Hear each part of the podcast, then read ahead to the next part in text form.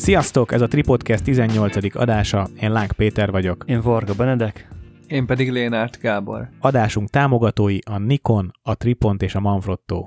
Hogy bírjátok, srácok, az otthon létet, a karantént? Tartotok ilyet, vagy, vagy teljesen hidegen hagy titeket ez a dolog? Hát én teljesen itthon vagyok rendesen, tehát hogy egyébként sincs túl Gábor amúgy is karanténban van otthon. Munka, munka az nincs, tehát munka az nem sok van, gyakorlatilag tényleg az van, hogy fel kell dolgozni a nagyon régi, régóta halogatott anyagokat, ki kell publikálni mindent a weboldalra, portfóliót frissíteni, social médiát elárasztani, nagyjából ez az egy taktika van túlélni még, de hát nyilván nem tudjuk, hogy ez meddig fog tartani, tehát most az elkövetkezendő egy-két hétre még azt mondod, hogy hát jó, pár hétig kivírom. Csak az a baj, hogy lehet, hogy hónapokról van szó, és akkor még a munkákról nem is beszéltünk. Én nagyon szerencsésnek érzem magam, mert tavaly átálltam egy sokkal alacsonyabb költségvetésű életre. Ezért most nem érint annyira fájdalmasan. Meg mondjuk volt honnan fejlődni, tehát én nagyon drágán éltem régebben. Ráadásul egy-két éve kicsit lejjebb húztam a rendezvény és esküvőfotókat, ezért az sem érint olyan nagyon fájdalmasan Ráadásul elég sok ráadásul van évvégén, meg évelején volt pár portréfotózásom, nagyobb költségvetésűek, ezek most folynak be, úgyhogy én, én kifejezetten szerencsés vagyok most ebből a helyzet szempontból. Az nem szerencsés, hogy egy nagyon nagy melót tárgyaltam éppen, amikor beütött a krach. Nagyon remélem, hogy megmarad még a cég részéről az a, az a szándék, hogy engem bízzanak meg vele, amint rende, rend, helyreállt az élet. Amúgy én igazából rohadt jól érzem magam itthon, tehát hogy ennek ellenére azért tegnap biciklizte egy kicsit a hegyekben. Én úgy érzem magam jól itthon, hogy, hogy a safe zone-ban kimozdulok. Tehát, hogy van egy kutyám, Persze. vele mindenképpen ki kell menni, ne, ő rajta egyébként sokkal jobban érzem a frusztráltságot, mint magamon. É, tegnap montiztunk egyet. Egyébként ráadásul én egy, egyedül akartam menni, de készülődés pillanatában becsatlakozott Lehi. Tehát én már gyakorlatilag készítettem elő a biciklit, kiraktam a folyosóra, meg ilyesmi, akkor jött lehitől az üzenet, hogy Szépvölgyi úton most tekert föl, és nincs kedvem csatlakozni, csak most jutottam eszébe. Mondom, figyelj, én amúgy is megyek, úgyhogy akkor fussunk össze, úgyhogy azt csináltuk, hogy mindegy, mindig az egyikünk egy picit előrébb volt, kicsit hangosabban beszélgettünk, amikor beszélgettünk, és tartottuk a távolságot egymástól. De tömegben nem megyek, a portréfotózásokat lemondtam, bár azzal kapcsolatban egyrészt van bennem egy kérdőjel, meg egy kis nyomás is, mert van nálam egy Z50, egy olyan obi amit nem próbáltam, meg, meg most érkezett hozzám a Triponttól egy Pak Olympus, amire nagyon kíváncsi vagyok, és mindkettőre szeretnék por... mindkettőre szeretnék portréfotózást szervezni, mert én portréfotósként szeretném definiálni magam a jelenben és a jövőben, és most egy ilyen nem tudom, most street, streetelni annyira nincs kedvem, meg nem is vagyok abban igazán jó. Azt meghagyom nektek, meg a BPS CTD TDCP-nek. BPS, BPSPC. Én most én is egyébként home office vagyok itthon, szerencsére minket a munka szempontjából az annyira nem érint, mert IT-ban simán otthon is, otthonról is lehet dolgozni, meetingeket meg lehet tartani ugye a videóchatben, tehát igazán így kb. nem állt le az élet, azért rossz így, hát lassan egy, több mint egy hete nem mozdultam ki rendesen. És uh, ma be kellett mennem az irodába, mert megjött egy csomagom, és uh, Verával elsétáltunk, és így még a street fotós se lenne indok, hogy kimenjek, mert nincsenek az utcán az emberek. Tehát nagyon, nagyon ilyen dél környéken voltunk, akkor máskor azért elég sok, főleg a Kelvin környéken elég sokan szoktak mászkálni, ugye mindenki ebédezik, megy, megy akár a saját dolgára, vagy bárhova, és most meg így egy-két lézengő volt, mondjuk ez egyébként nem baj, csak hogy nem, tehát hogy még in, nagyon indokom se lenne arra, hogy kimenjek. Viszont, hogyha már a BPS PC-t szóba hoztat, Peti, a Sósbert kitalált egy tök jó kis, hát ilyen kis challenge-szerű dolgot, vagy ilyen kis, nem tudom, szerintem ő is nagyon unatkozik, és akkor kitalálta magának, hogy minden tag válogasson le zenéket, és ezt összerakja egymás után, ugye összeúsztatja kvázi, és akkor ezt lehet hallgatni Sound valahol, Soundcloud-on, vagy nem tudom, majd a linket betesszük, és nem, ő kezdte. Nem, mert ő az... Soundcloud-on. Soundcloud-on szerintem. Mert ugye ez nem, nem, nem úgy... Láttam a poszt. Nem úgy tracklist, hogy választasz 20 számot, és akkor ott van egymás után meg tudod hallgatni sorrendben, hanem összeúsztatja őket valahogy. Tehát, hogy így nem, nem, nem mixeli, vagy nem tudom, hogy ezt lehet, hogy összemixeli, ezt lehet, hogy már ennek hívják. De egymás után teszi szünet nélkül a számokat. Szóval akkor, és akkor ezt a így fotós... meg hallgatni egybe. Tehát a fotósból átnyergelt DJ-be. Hát én úgy tudom, hogy ő, ré... én úgy tudom, hogy régen foglalkozott ilyen zenekészítéssel, vagy valami hasonló dologgal, vagy rádiózott, vagy valami volt neki és azért ez, ez nem idegen tőle szerintem, és akkor e, az első körben megcsinálta ő, aztán fölbuzdultam rajta én, és aztán én is válogattam egy 14 darab számot, aztán a többiek is majd szépen sorra kerülnek, úgyhogy majd ezt belinkeljük, hogy az otthoni üres járat be lehet ezt hallgatni akár. Nektek egyébként van bármi olyan beragadt anyagotok, vagy ilyen régi fotózás, amit mindig is halogattatok, hogy majd egyszer leválogatom, vagy, vagy még mindig nincsen kipublikálva, de már ezer éve ott van a vinyón, és át kéne nézni, meg ilyesmi. Gábor, szerinted nekem van? Egy 500 darab nagyjából, amit újra kéne retusálni, és, kirak, és összehozni ne, ne, ne, ne, ne, ne, ne, hozzá. Kezd az elejére, újra kéne editálni, tehát újra kéne színfeldolgozni, utána igen, retusálni, igen. nem újra válogatni, kezdjük ott, újra Igen. színfeldolgozni, újra retusálni és publikálni, pontosan. És összerakni ráadásul a többi képeddel együtt, tehát összehasonlítani a mostani munkáiddal, és kiválogatni egy nagy portfóliót, amit ki kéne raknod egy jó kis weboldalra, amit szintén meg kéne szerkeszteni. Tehát Peti, igazából te most legalább van egy kis időd erre, Ráérsz. hogy foglalkozz ezzel. Igen. Ja, tehát ez, ezek azok a dolgok, amiket mindig egyébként az ember halogat, amikor van munkája, és ezeket ilyenkor kell megcsinálni, amikor úgymond szabadidő van, tehát Peti, ne bicikliz, hanem válogass. Vigyázni muszáj, öt nap magányban töltött idő felért 15 cigaretta elszívásával. Nyilván ezt nehéz Igen, össze... valami ilyet én is olvastam. Ja, ez tényleg igaz. Vagy nem igaz, csak hát, érződik. Hogy, hogy, hogy hegyedül vagy otthon, akkor hatás. füstöd áraszt a testtel és szennyezett idődet. Jól értem? Hát inkább csak... Nem, a... hanem van egy ilyen stressz, meg ö, ilyen kicsit ilyen depressziós hatása, és elvileg az egészségre, meg mindenre a magánynak van egy ilyen nagyon rossz hatása, és akkor tényleg ö, hát nyilván ezeket most azért szintén online beszélgetésekkel valamennyire ki lehet váltani, mint ahogy maga a munkák is, meg az iskolák is, meg minden egyébként átállt online-ra. Igen. Emiatt a Netflix, Netflixet megkérték, hogy visszavegyék a sávszét. De szerintem azért, szerintem a HD-t nem fogják elhagyni, az, az, szerintem az meg lesz. Talán a 4K esetleg, de azért azt csak ki lehet bírni. Na, mindegy. Egyébként én akkor, én akkor se borulok is, rácok, hogyha nem lesz HD. Tehát, hogy inkább jusson, ha már Gábor mondta a szülinapi adásában, hogy mennyire jó az egyenlőtlenségek kiegyenlítése, hogy mennyire vágya neki. Most meg aggódsz itt a 4K vagy HD miatt. Szerintem sokkal jobb, hogy a sok emberhez jut el a tartalom, mint sem, hogy kevés ez HD-ban. Főleg egyébként az Enkoron meg most uh, ingyenesítették az összes letöltést, és ki van írva, hogy lehetőleg azért figyeljetek a másikra, nem most tározzátok be száz évre előre a pornót. Tehát akkor gyakorlatilag most mindenki Amazonra egyből streameli a torrentet, és oda tölti, nem is a saját HDD-ére.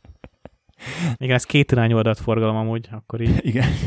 Ö, nekem egyébként nem állt meg az élet ilyen szempontból, tehát nekem nem nagyon van most időm így képet válogatni, meg ilyenek. Ö, ugye én belefogtam még tavaly év végén egy olyan hát ezt egy ilyen rendrakásba, hogy minden évemet át kell néznem, és ö, betegelni a fotókat, megszerkeszteni, kiválogatni, és ez, hát ugye a tavalyi év az megvan, ugye 2020-at már teljesen ugye így csinálom, tehát kvázi az is eddig megvan, és a 2018-at meg csak épp, hogy elkezdtem, tehát igazából ezzel kéne aladnom az időmben, de hát nem nagyon van, mert sulizni kell, dolgozni kell, úgyhogy ugyanaz, nekem nem állt meg ilyen szempontból az élet.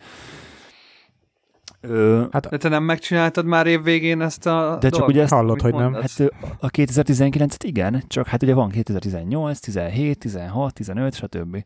Ja, és hogy azok, ja, csinálni. azt hittem az korábban kész, azt hittem a korábbiakkal kezdted, és nem. úgy jutottál el. Hát ugye minél közelebb Aha. vagyunk időben a mosthoz, annál jobb képeim vannak, tehát hogy érdemes azokkal foglalkozni.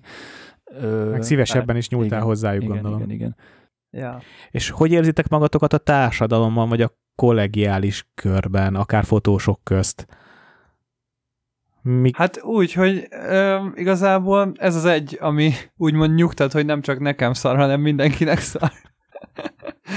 hát, viszont nagyon sok emberrel beszélgetek, tehát tök jó így megbeszélni, úgymond, hogy sok olyan ember is úgymond beszél a problémáiról, akikről korábban nem gondoltam volna. Tehát elmondják, hogy hát igen, nekem is lemondták az összes melót, és szívás van, akiktől korábban csak azt a kommunikációt kaptad, hogy mekkora menő fotós, és hogy szarásig van melóval, és hú, de jól megy a szekér, meg minden, azért úgymond jó látni ennek az emberi oldalát, hogy ezek a fotósok is ugyanúgy vagy kiposztolják, vagy megírják üzenetben, vagy, vagy kiraknak egy videót, vagy egy Insta vagy bármit, hogy bizony náluk is most elég nagy baj van, és ö, nyilván gyakorlatilag most mindenki keresi a megoldást, meg várja, hogy ennek az egésznek vége legyen.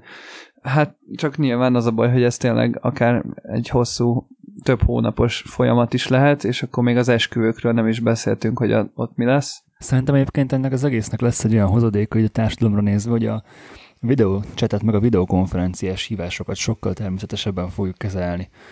Tehát ö, például barátainkkal is ö, egyik este honfoglalóztunk, és közben ment a chat, vagy a videóchat. és hogy így egymásra játszottunk, és hogy, hogy ezt eddig nem nagyon csináltuk, tehát hogy, hogy meg így láttam egy Instán így embereket, hogy, hogy mit tudom én, videócsatelnek, és közben vacsoráznak mondjuk. És akkor, mint hogyha együtt, tudod, mint hogyha végül is teljesen mint hogy ott lenne, mert látod az arcát, látod a gesztusait. Hát nem teljesen de, hogy, olyan, nagy, sok, azért az messze nem, van. Nyilván nem teljesen olyan, de hogy érted, mégsem, mégsem ő, írásban kommunikálsz vele, hanem, hanem rendesen látod, meg, meg hallod, amit mond, és tényleg, mint hogyha egy társaságban lennél, meg hát a cégeknél is volt nekünk olyanunk, hogy több mint százan voltunk egy videokonferenciában, nyilván nem, nem beszélt mindenki, meg ő így észszel volt szóadva a, nem a beszélőnek, hanem ugye akik csak hallgatták, de hogy ezt így, szerintem ez így tök jó be lesz vezetve, meg így tök jó ez így ki lesz találva, és hogy ez, ez egy tök jó úgymond hozadéka lesz ennek az egész helyzetnek. Én is abban reménykedem egyébként, hogy a, hogy a társadalmunk tanul belőle, és egyrészt technológiákat kezdünk el úgy használni, amire valók, egy csomó felesleges hülyeséget elhagyunk. Például a totálkár égéstérben hallottam a srácoktól, hogy szerintük teljesen feleslegesek például az autósók nagyon nagy az ökológiai lábnyoma, nagyon nagy a CO kibocsátás, teljesen feleslegesen utaznak rengetegen egy helyre, hogy megnéznek egy autót, amikor online is ki lehet küldeni a brosúrát, és a teszt az úgyis csak később következik, tehát a fizikailag úgy tudják igazából kipróbálni a kocsit. És hogy ezek a, a nagy bemutatók talán csökkennek például. Hát a H. András ezt mondta, hogy azért annyiból jobbak ezek az autósok, hogy ugye ö, annyiban különbözik az online megmutatástól, hogy mondjuk ha beülsz egy autóba, akkor érzed, hogy milyen annak az ülésnek a keménysége, me- hogy ha megkopogtatod a műanyagot, akkor az milyen, Igen. meg hogy hogy csukódik az ajtója, meg nem tudom. Persze, de el fog hozzáérkezni a tesztautó egyszer, csak úgy is, csak két-három hét késéssel. Meg, meg azt ne felejtsük el, hogy azok, akik csak ezt olvassák, azok ugyanúgy nem tudják ezt megtapasztalni. Tehát most oké, hogy a vlogger a vagy a médiától érkező emberek ö, tudják ezt tesztelni, de hogy most, hogyha a, a gyárban van egy tesztel csapat, és leírja, hogy milyen ül, benne ülni, az gyakorlatilag ugyanaz, mint hogy a Hándrás elmondana, hogy milyen benne ülni. Hát amennyiben a gyár az ténylegesen elfogulatlan. Jó, persze, igen. A másik, amiben reménykedem, hogy felismerjük a hétköznapi életben a szépséget, és nem várunk feltétlenül nagy csodákat, nem minden, minden amerikai film arról szól, hogy véletlenül összefutsz a szerelmeddel, nyersz a lottón, olyan csodák történnek az életben, amik rajtad kívülállóak. És így most, hogy itthon tudjuk élvezni, vagy kénytelenek vagyunk itthon élvezni az életünket, talán majd, hogyha nem kell itthon lennünk, sokkal jobban fogjuk tudni értékelni a hétköznapi élet örömeit, annélkül is, hogy csodák történnek benne. Hanem csak úgy egyszerűen jó kimenni, jó lenni, jó találkozni, én inkább egy talán ilyen mindset változást várok, meglátjuk, hogy milyen sokáig kényszerülünk itthoni karanténra, és hogy ennek lesz-e valóban mm, hat, ilyen hatása. Hát az biztos, hogy a találkozások azok felértékelődnek, tehát nagyon sokan vannak, akik eddig mondjuk csak online tartották a kapcsolatot, és az úgy tök jó, és ilyenkor jössz rá, hogy amikor úgymond csak online lehet tartani a kapcsolatot, azért kezd hiányozni az, hogy bizonyos emberekkel személyesen is tart. Visszatérve még a bemutatósókhoz, viszont az Apple-nek a bemutatói, azok tényleg teljesen feleslegesek voltak, mert ott szinte tényleg nem tudtad megtapizni, és most ugye az iPad-et teljesen online bemutatták úgy, hogy nagyjából majd, hogy nem teljes értékű volt a bemutatás, mint hogyha egy keynote lett volna, csak nem vonzottak össze több ezer embert egy helyre. Mert az Apple-nek amúgy is viszonylag kis létszámú a bemutatói, tehát az, az inkább csak Dehogy egy... is, hát azok a nagy konferenciák, meg a fejlesztői konferenciák, azok nagyon nagy létszámúak.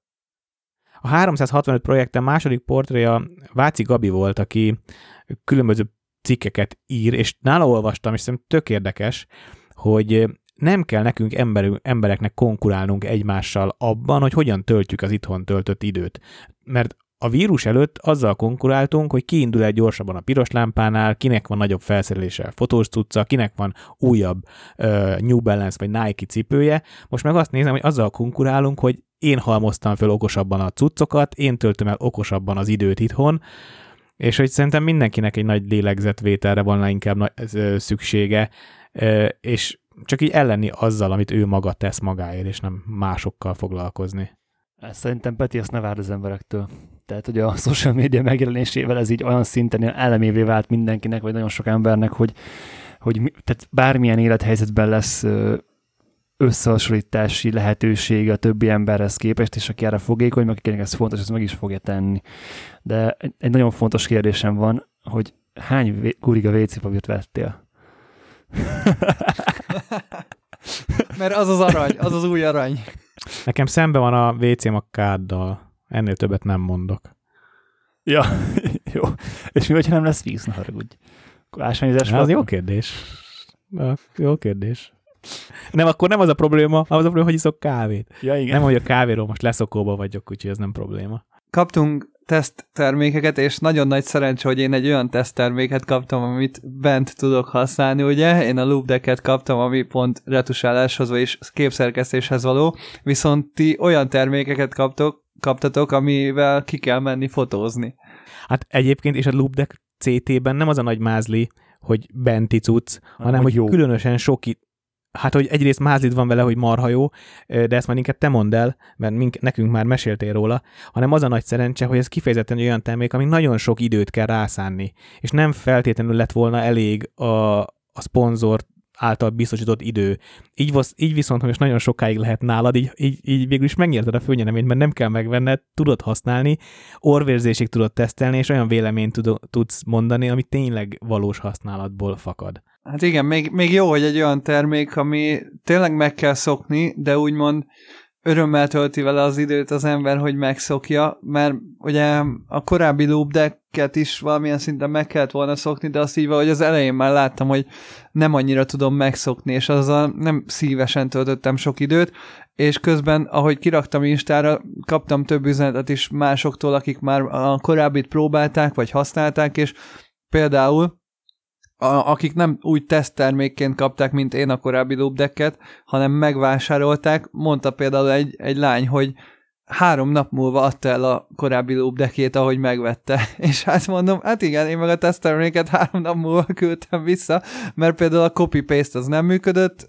nála a sync nem működött, mármint ugye a copy nem hozta fel az ablakot, plusz volt olyan srác, aki írta, hogy tesztelte ő is a Loopdeck CT-t, mert ő is azt hiszem megkapta a Triponttól tesztelésre, és ő meg azt mondta, hogy olyan, mint, tehát, hogy mint egy űrhajó, és azt mondta, hogy neki már ez azért nem tetszett, mert hogy túl sok volt az opció, meg túl bonyolult, és én is picit ahhoz tudnám hasonlítani, hogy ö, mondjuk, ha beültetnek titeket egy vadászgépbe, és nem elmondják nektek, hogy melyik gomb mire való, hanem így ott van a sok gomb, és így annyit mondnak, hogy hát programozd fel magadnak. és így Rengeteg, Érted? rengeteg meló.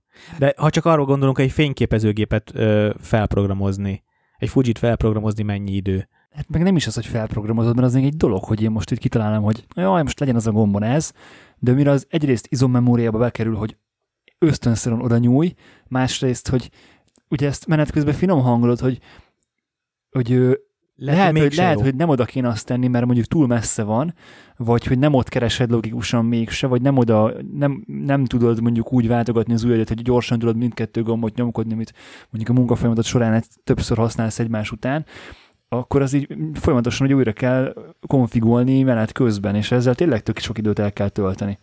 És az a durva, hogy egy gombot átállítasz, az nagy valószínűséggel két-három másik gomb átállításra is hatással van, Igen, akkor persze, azokat is persze. át kell állítani. Szóval ez egy, ez egy ilyen totál ördögi Plusz folyamat. van, amikor már a, plusz van, amikor már a általad rossz beállítást, amit el, Megszoktad, le igen. akarsz cserélni, már azt is megszoktad, már- és akkor... A legjobb. Na Gábor, Igen. Kicsit tisztázzuk le ezt a témát, mert a, beszéltünk a régiről, meg az újról. Mióta van nálad az új CT? Az új Lubdeck CD CT? Hát a Lubdeck CT, ez a, amelyiknek már van kijelzője, tehát aki nem ismeri, ez egy olyan Lubdeck, aminek ki, kevesebb tekerője van, mint a korábbinak, kevesebb ilyen ö, dial van rajta, viszont több programozható gombot kapott, a gombok minősége is sokkal jobb, és van a tetején egy olyan kijelző, aminek a tetején, vagyis a kijelzőn van pluszban egy ilyen rács, ami így fizikailag is elválasztja a gombokat, és akkor így gyakorlatilag tudsz olyan gombokat csinálni magadnak, amik ilyen érintő gombok, de, de kijelző alapúak. És kitabogathatóak És- ezek szerint. Hát valamennyire igen, ugye ez az a baj, hogy mivel érintőképernyő, ezért ahogy tapogatod, Már konkrétan Már hozzá is nyújt. már megnyomod, és akkor ha mellette lévő gombot nyomod meg, akkor már nem jó. De egyébként egy hete van nálam most az eszköz, és hát még mindig nagyon az ismerkedő fázisba vagyok vele. Pont erre akartam rákérdezni, hogy hanyadik randinál tartotok, hogy ö, tudod már készségszinten kezelni egy hét után, vagy ez még mi- mindig nagyon az eleje, nagyon az ismerkedés? Hát őszintén szóval nagyon-nagyon sokat még nem használtam, tehát így mit tudom két-három nap volt, mire, vagy két-három nap eltelt abból a tesztidőszakból, mire úgy tényleg leültem és beállítgattam, meg minden, és aztán volt egy ilyen sessionem, mert azért nem mindig tudok ezzel foglalkozni, hogy csak Lightroom-ozok, meg ugye közben csináltunk podcastet is, meg vágni kellett adást is, Szülinapod De hogy- volt? Hát igen, hát azt is meg kellett vágni, de egyébként Én azt gondolom, hogy a tortát is kellett vágni, tehát nem csak velünk Ja, ja, szület, Gábor szülinapot Lubbe remény. kell a tortát. az a, Ja, értem. szóval Vagy az élet az a lényege, hogy a library részt azt már eléggé megszoktam, a developot is egész jól, de ez egy olyan cucc, az benne a jó a korábbi loopdeckkel ellentétben, hogy ehhez már, hogyha jól beprogramozod, tényleg nem kell semmiféle billentyűzethez hozzányúlnod, ugye, mert teljesen mindent be lehet ra- programozni ugye ezekre a gombokra, tehát ott tart, hogy ha az egér mellé berakod ezt a loopdecket, és minden funkciót felprogramozol, akkor amikor az adott programban vagy, ugye mondjuk én csak a Lightroom-ot ismerem, tehát nem programoztam be mondjuk a Premiere Pro-t, Photoshopot, stb., amikre még jó, sajnos Capture One egyébként nem tud még, de hogy a Lightroom-ban gyakorlatilag nem kell billentyűzetet használnod hozzá. És a nagy tekerő, még a nagy tekerőnek a közepén is van egy kijelző, az is ilyen nagyon-nagyon smooth az egész, tehát hogy maga a tekerők teljesen más minőségűek, mint a korábbi loopdekeknél, ezerszer jobb, sokkal jobb lenyomni, sokkal jobban érzed, nem tekerődik el véletlenül, mint a korábbinál, hogy így nyúlsz a másikhoz, és akkor véletlen egy pici hozzáérintéstől is eltekeredik, meg ilyesmi, meg a touchscreen, az, ö, van egy olyan beállítás is, hogy amikor megnyomod, akkor tud egyet rezegni a, a cucc, de én azt kikapcsoltam. Pedig az nem de egyébként Szerintem. Én például az iPhone-ban is nagyon ö, De- szeretem ezt a haptic feedbacket, hogy ö, hogyha valami... De ez nem heptik, ez olyan, mintha csak rezegne egyet, mint amikor hívnak téged. De az is egy visszajelzés, és az iPhone-ban is pont azt tetszik, hogy egy, egy virtuális gombot nyomok meg, és mégis érzem, hogy megnyomtam. Vagy mondjuk, hogyha egy csúszkát tekerek, akkor ott is tekeredik, meg kattog, mondjuk ötönként rezzen egyet, akkor tudom, hogy most öt, ötöt, rez, ötöt léptem. Igen. Jó, de az iPhone-ban rohadt jól megcsinálták, hogy pörgeted a kalendárt, akkor tik tik tik tik Hát igen, de És ez gondolom a looptekék nem tudták ennyire jól megcsinálni. Azért kapcsoltad ki, nem? Igen, igen, ott egy ilyen nagy rezgést kapsz, mondom, mint amikor a telefonot csörög, és akkor rezeg. Na mindegy. Nem, hap, nem ezt a haptic feedbacket. De mindegy, egyébként majd, majd kipróbáljátok, lehet, hogy nektek jobban bejön a rezgéssel. Meg azon ö, aggódtam még, hogy tudjátok, úgy van, hogy a nagy kijelzőn a gombkiosztást azt, is swipe-al lehet álligatni, tehát hogyha swipe-olsz egyet, akkor kapsz egy új gombkiosztást. Swipe-olsz még egyet, akkor kapsz még egyet. Azt És akkor Hát azt tarts fejbe, de hogy ugye maga a swipe az nagyon jól működik, tehát nagyon magától értetődő, és nagyon könnyű, tehát hogy nagyon responsív. Meg lehet azt csinálni, nagyon remélem, hogy igen, hogy a különböző paneleket a Lightroom-ban e- egyből átvált más gombkiosztásra? Tehát mondjuk a develop... Na, Persze. Király. Hát konkrétan olyan tehát workspace-eket tudsz kialakítani akár, és hogyha megnyomod akár egy fizikai gombot, akkor a fizikai gomb ha az egyes fizikai gombot megnyomod, akkor az mondjuk a library workspace-ed, és akkor a library-nak az összes gombkiosztását, meg tekerőket, meg mindent megkapsz, és akkor felül, amit swipe-olsz a kijelzőn, akkor az arra workspace-re gyártott ö, gombokat tudod lapozgatni akár, és utána, ha megnyomod a második workspace-t, ami mondjuk a developod, akkor ö, átmegy a developra, és csinálsz akármilyen workspace-eket, csinálsz egy export workspace-t akár, vagy bármi, de én mindent így a developon belül hagytam. Az például nagyon király, hogy csinálhatsz egy olyat, hogy mondjuk a, a elswipe a végére, és akkor a teljes kijelző, a sok kicsi gomb, az nálam van egy olyan ö, oldal, ahol mindegyik egy-egy export preset, és csak egy gombnyomással rányomsz a Facebook 2048-ra, és nem ad fel semmi ablakod meg semmi, csak tehát gyakorlatilag csinálja és kész. Tehát gyakorlatilag ablak ablak nélkül exportálsz fel a Lightroomból. Az igen, elég korrekt. igen, igen. Az, az, az, az nem szar. Tehát rányomsz a gombra, és a háttérben megcsinálja, érted? Aha, szóval, értem. Hogy az, az, az, az, az, az, elég jó. Nagyon, nagyon kíváncsi vagyok rá én is, hogy, hogy ezt, ugye mondtam nektek korábban, hogy nekem ugye az az alapvető problémám ezzel a termékkel, hogy nekem nincs egy ilyen nagyon dedikált workstation hogy most asztali gép, meg akár iMac, vagy egy nagyobb monitor, meg ilyesmik, hanem, hanem tényleg én a laptopomot szoktam általában az ölembe tartani, és ott, ott húzkodom azt a pár csúszket, amit kell, meg ott, ott, ott teszem rá a képeimre, amit kell. De én például arra is gondoltam, hogy pusztán a számítógépet vezérelni milyen lehetne ezzel, vagy lehetne-e egyáltalán. Tehát, hogy az OS X-et ö, olyan, olyan akár skripteket, vagy valami gyors parancsokat csinálni rá, hogy ö, egy ilyen mint mondjuk egy Stream Deck, azt nem tudom, hogy ez vágjátok hogy ez mi.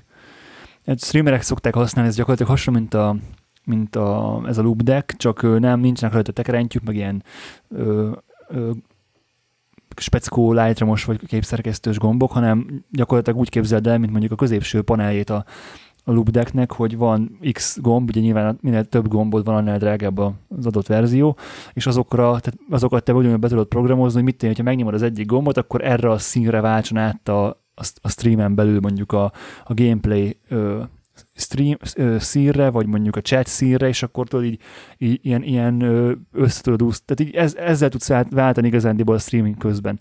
És a hogy, hétköznapi életben most várján, ablakokat, és hogy ezt, ablakokat váltogatnál? De, jaj, Peti, dehogy is nem. Hát most az, az egy funkció, hogy ezt tudod erre használni. Tehát, hogy nem kell okay. egérrel ö, áthúzkodni, meg átalakítani, hanem megnyomsz egy gombot, és akkor betölt a program valamit. Tehát gyakorlatilag ugyanaz, mint mondjuk egy Lightroom presetet aktiválnál vele. És hogy ezeket a, azokat a verziókat úgy tudom, hogy lehet használni arra, hogy én mondjuk a, ha megnyomok egy gombot, akkor nem tudom, megnyitja az, most mondok valamit, megnyitja a fejlesztő környezetet, bekapcsolja a Do Not disturb meg nem tudom, elindítja a time trackinget. Most mondtam valamit. És hogy ilyet lehet-e, lehet-e például a loop deck csinálni? Hát ha erre létrehozom mondjuk ezt a parancsot, hogy van egy parancsor, amit megnyissa ezt, megnyissa azt, stb. stb. Ennek az elindítására egy külön programmal, ugye, vagy az a scriptel létrehozza egy akár nagyon-nagyon-nagyon bonyolult ö, build kombót, ugye? Igen. És azt a, azt a build kombót, azt meg ráprogramozod a loop decken egy billentyűre. Értem, azt akkor az elég Tehát jó. az van, hogy a loop, a loop decknek a programjában, az, a szoftverében vannak ilyen azok a programok, amiket támogat, Lightroom, Photoshop, Premiere, stb. És van egy, van egy olyan, hogy System. Aha, na hát akkor tudja. És az a, a System, az, az a Mac-et kezeli, úgymond, és akkor ott billentyűzetként vagy bármiként tud funkcionálni. Azt már észrevettem, hogy ha a Systemen van, akkor alapértelmezetten mondjuk az egyik tekerővel tudod például a hangerőt állítani. A másikkal... Ilyenekre gondolok, hogy hangerő, fényerő. A másikkal tudom, tudod a fényerőt állítani. Ablakváltás akár, de például Igen. olyat is el képzelni, hogy mondjuk podcast setup, megnyomom a gombot, megnyitja a Logicot, a nem tudom, a nótokat, meg a a Skype-ot, és akkor hogy ilyen, ilyen dolgokat így bele, ilyen automatizálásos dolgokat bele lehet rakni, mert az tök, az tök jó lenne. Lehet, hogy bele lehet. Nem tudom, ezt, ezt én így nem próbáltam. Na majd, ha nálam ezt megnézem. Amit azért tudni kell, hogy azért ez a szoftver kicsit bágos, tehát hogy úgy értve a bágos, hogy például nem tudtam úgy beállítani, az, az nagyon megbonyolította a beállítás, hogy a Lightroom csúszkákat, vagy a Lightroom funkciókat nem tudtam úgy beállítani, hogy a Lightroom nyitva volt, hanem konkrétan mindig valahogy befagyott, mindig le kellett állítanom a Lightroomot, újra kellett indítanom a Loopdeck szoftverét, beállítanom a gombokat, hogy mit akarok csinálni, vissza megnyitni a Lightroomot, és, és akkor láttam, hogy mi lett a beállítás, és gyakorlatilag ha változtatni akartam bármit, akkor ugye mindig be kellett zárnom a Lightroom-ot, és Aha. újraindítani a Loopdecknek a szoftverét, és volt olyan, hogy például a nagy kör alakú tárcsának a közepén az érintőképernyő, mert az ugye érintőképernyő, és lehet fel swipe hogy milyen funkciót tekerje rajta. Ott is volt olyan, hogy ha túl gyorsan swipe fel le, akkor így egyszerűen elment feketébe a kijelző, és újra kellett indítani a szoftverét, de ezt amúgy frissítgetik elég és gyorsan, tehát hogy remélem, hogy jön erre valami olyan update, ami majd ezeket kijavít. Hát szerencsére ugye ez, a, ez az a része az eszköznek, amit a legkönnyebb javítani. Hogyha mondjuk a gombok szarul tekerednének, vagy nem úgy kattannának, hogy ez neked tetszik, azt nehéz, nehezebb lenne ja. javítani. Igen.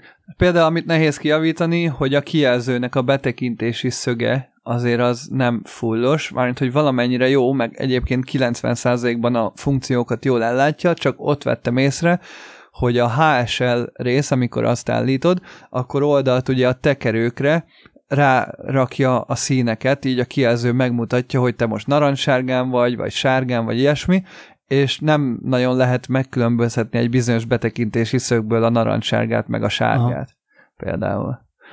És Emellett egyébként az a durva, hogy amit beszéltünk is az egyik sráccal, aki már tesztelte, hogy a régi loop deck az konkrétan lassított. Tehát, hogy annyira meg kellett keresnem, hogy hol van az a funkció, amit, ami, ami mondjuk az a tekerő, az hol van azon a nagy billentyűzeten, vagy azon a nagy felületen, hogy lassított a munkában, itt ez tényleg így egymás mellett ott van a kezed, nagyon közel vannak a gombok egymáshoz, és gyakorlatilag ki tudod tapogatni, mert tényleg ilyen egy kicsi felület az egész, és már most azt vettem észre, hogy ha nem is lassít, vagy ha nem is gyorsít, de hogy majd, hogy nem ugyanolyan sebességgel tudok rajta dolgozni, mint eddig is dolgoztam, és nem tudom, ti hogy vagytok ezzel, de én azt vettem észre, hogy nekem valahogy nincsen szükségem gyorsításra a Lightroomban, mert nem az a szűk keresztmetszet, hogy mennyire gyorsan reagál a billentyűzetem, vagy a kontrollerem, vagy az egerem, például válogatásnál, hanem az, hogy én mennyi idő alatt fogom fel, hogy mit tartalmaz az a kép,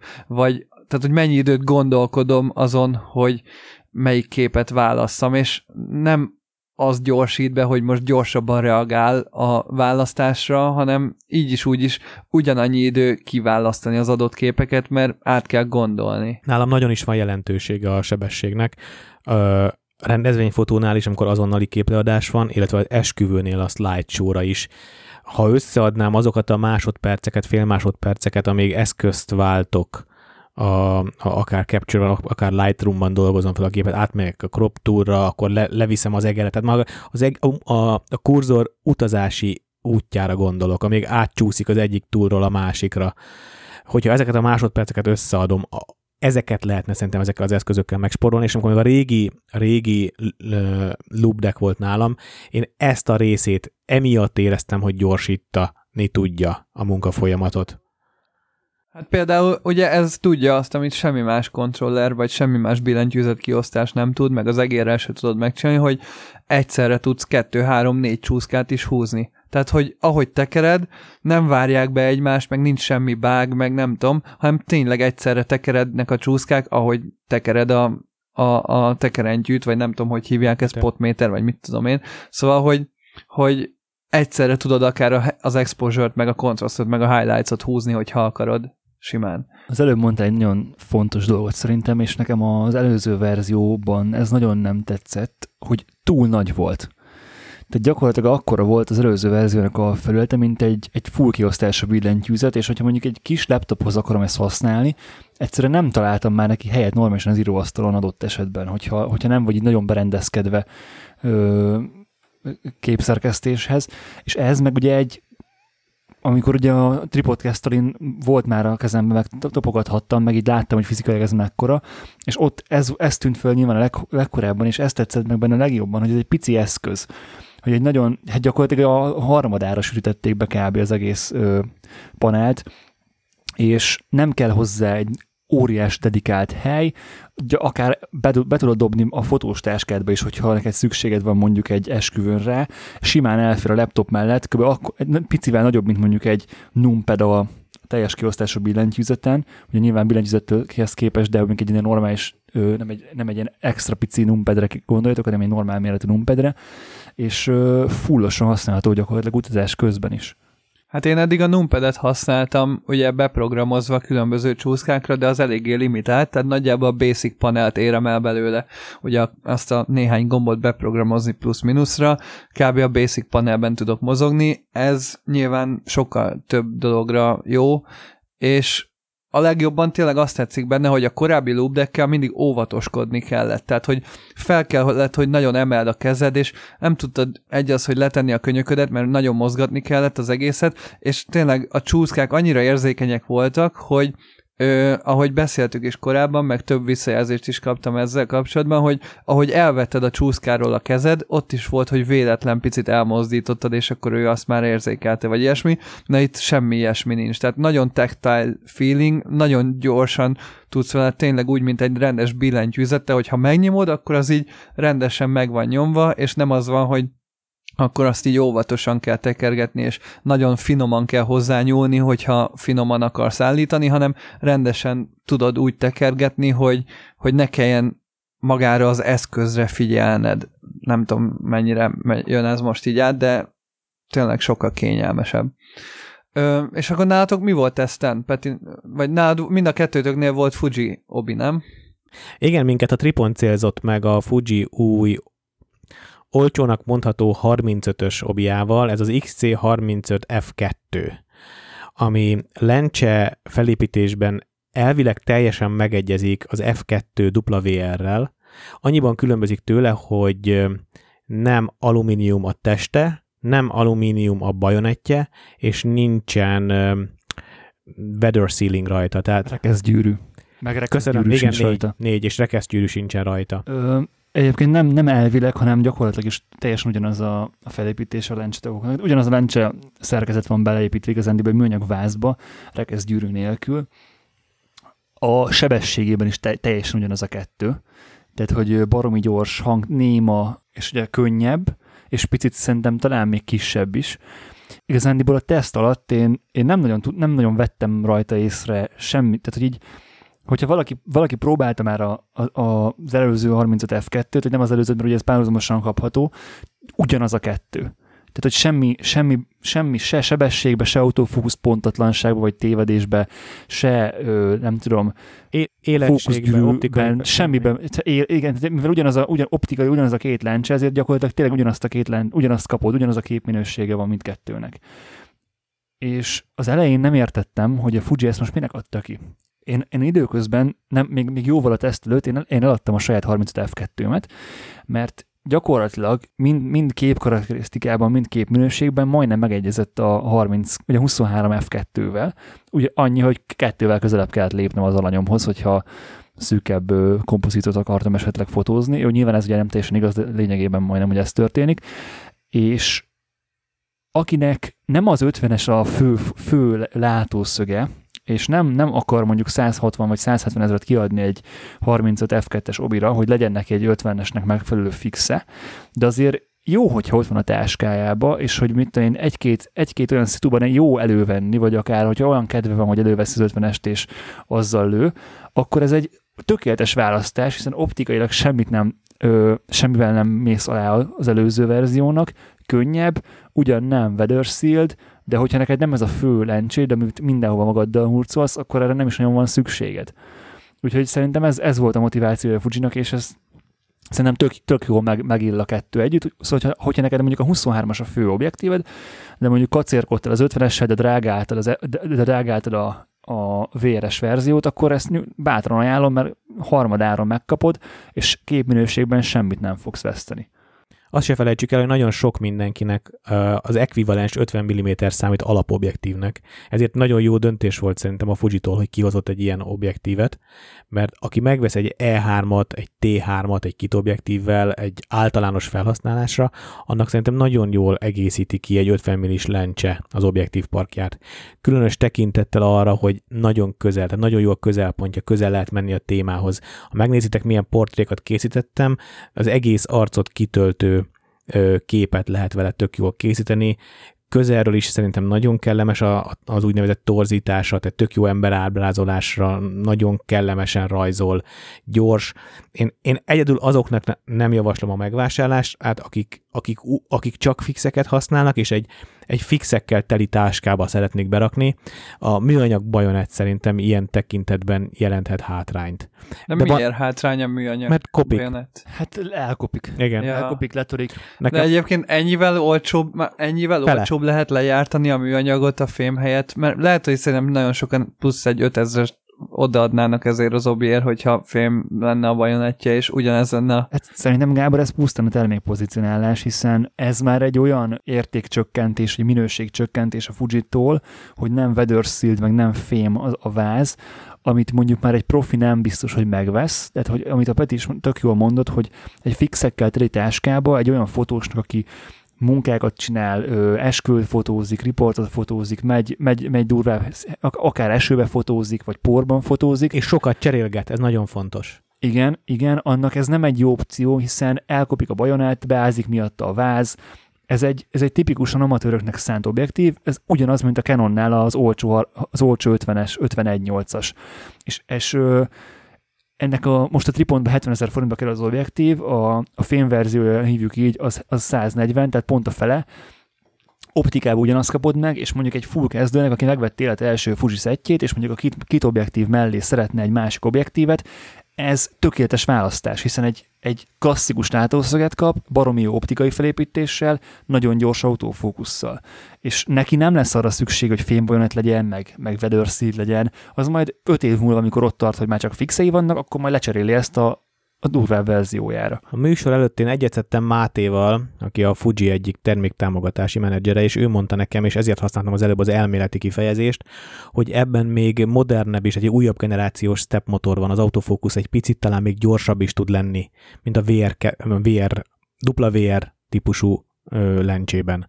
Hogy annak lesz-e frissítése, azt nem tudom, de hogy ez egy később megjelent, egy picivel talán lehet, hogy modernebb ilyen szempontból. Én egyébként portréfotózás során semmilyen sebesség problémát nem tapasztaltam. Pro 3-on használtam. Én se streeten, ugyanúgy Pro 3 használtam, és gyakorlatilag, mint hogyha bármelyik másik VR-es objektívemet volna a vázon. Így van. Egyébként fotóztam vele streetet is, tehát úgy fotóztam vele, hogy, hogy lógattam a kezembe a kamerát, fölkaptam, kattintottam, és tök jó nénik, nénis portréim vannak. És a, tök fontos egyébként, hogy a, az objekt, vagy a, a szűrőmenet ez pedig ugyanakkora, mint a drágább verziójának, ezért, hogyha mondjuk te nem használod annyira a mostani 35 F2-t, és költségcsökkentés miatt szeretnéd mondjuk erre lecserélni, mert tényleg csak nem tudom, a fotóidnak a 10%-et készíted 50 mm-en, de mondjuk használnád a, akár a jó kis Tiffen szűrédet, akkor nem kell újat venni, vagy nem kell step ringet venni, mert ugyanaz. Egyébként hogy lehet ugyanaz az optikai formula, hogyha a másikban van egy VR, ami Ugye plusz egy optika szokott lenni. A VR az a water resistant a Fujinál. Ja, tehát azért is képstabi. Így van, azért is igyekeztem úgy fogalmazni, dupla VR. Mert uh, egyébként én a 90-esemnél, amikor megvettem a 90-esemet annó, ott nem, nem néztem ennek utána, úgy vásároltam, megmondom őszintén. És én is azt hittem, hogy stabis a 90-es. De ja, nem aha. az. Jó, Anna, hát érted, volt pénz, lóvéra, nem számított. Egyébként kaptam még a Tripontól tesztelni egy Peak Design Capture klipet, de valahogy az annyira nem jött be. Most a karantén idején nem Hát igen, de pont úgy jártam vele, mint ti, hogy, hogy valahogy so, sehogy nem tudtam úgy magamra feltenni, és azt gyanítom, hogy ez tényleg az ilyen kisebb vázakra, meg kisebb obikra van kitalálva talán, mint ez a Fuji, mert én, ha az 5D-t rátettem, még így, hogy a 40 millis penkékkel is totál lehúzta, bárhova raktam, valahogy így nem, nem volt kényelmes. Bergics Balázs egy ilyen capture clippel vitt el annó egy T20-at, azt hiszem egy 18 millis optikával a kaminóra, és ő imádta, hogy a hátizsáknak a válpántjára van föl, fölpattintva. Én is kaptam már kölcsön a Tripontból egy ilyen capture clipet, és én se tudtam beilleszteni se a workflow se a hobby fotózás flomba. Ne, sose voltam igazán biztos benne, hogy az ott van, két kézzel kell kioldani, furán kell lokkolni, a capture clip az nekem se jött be igazából.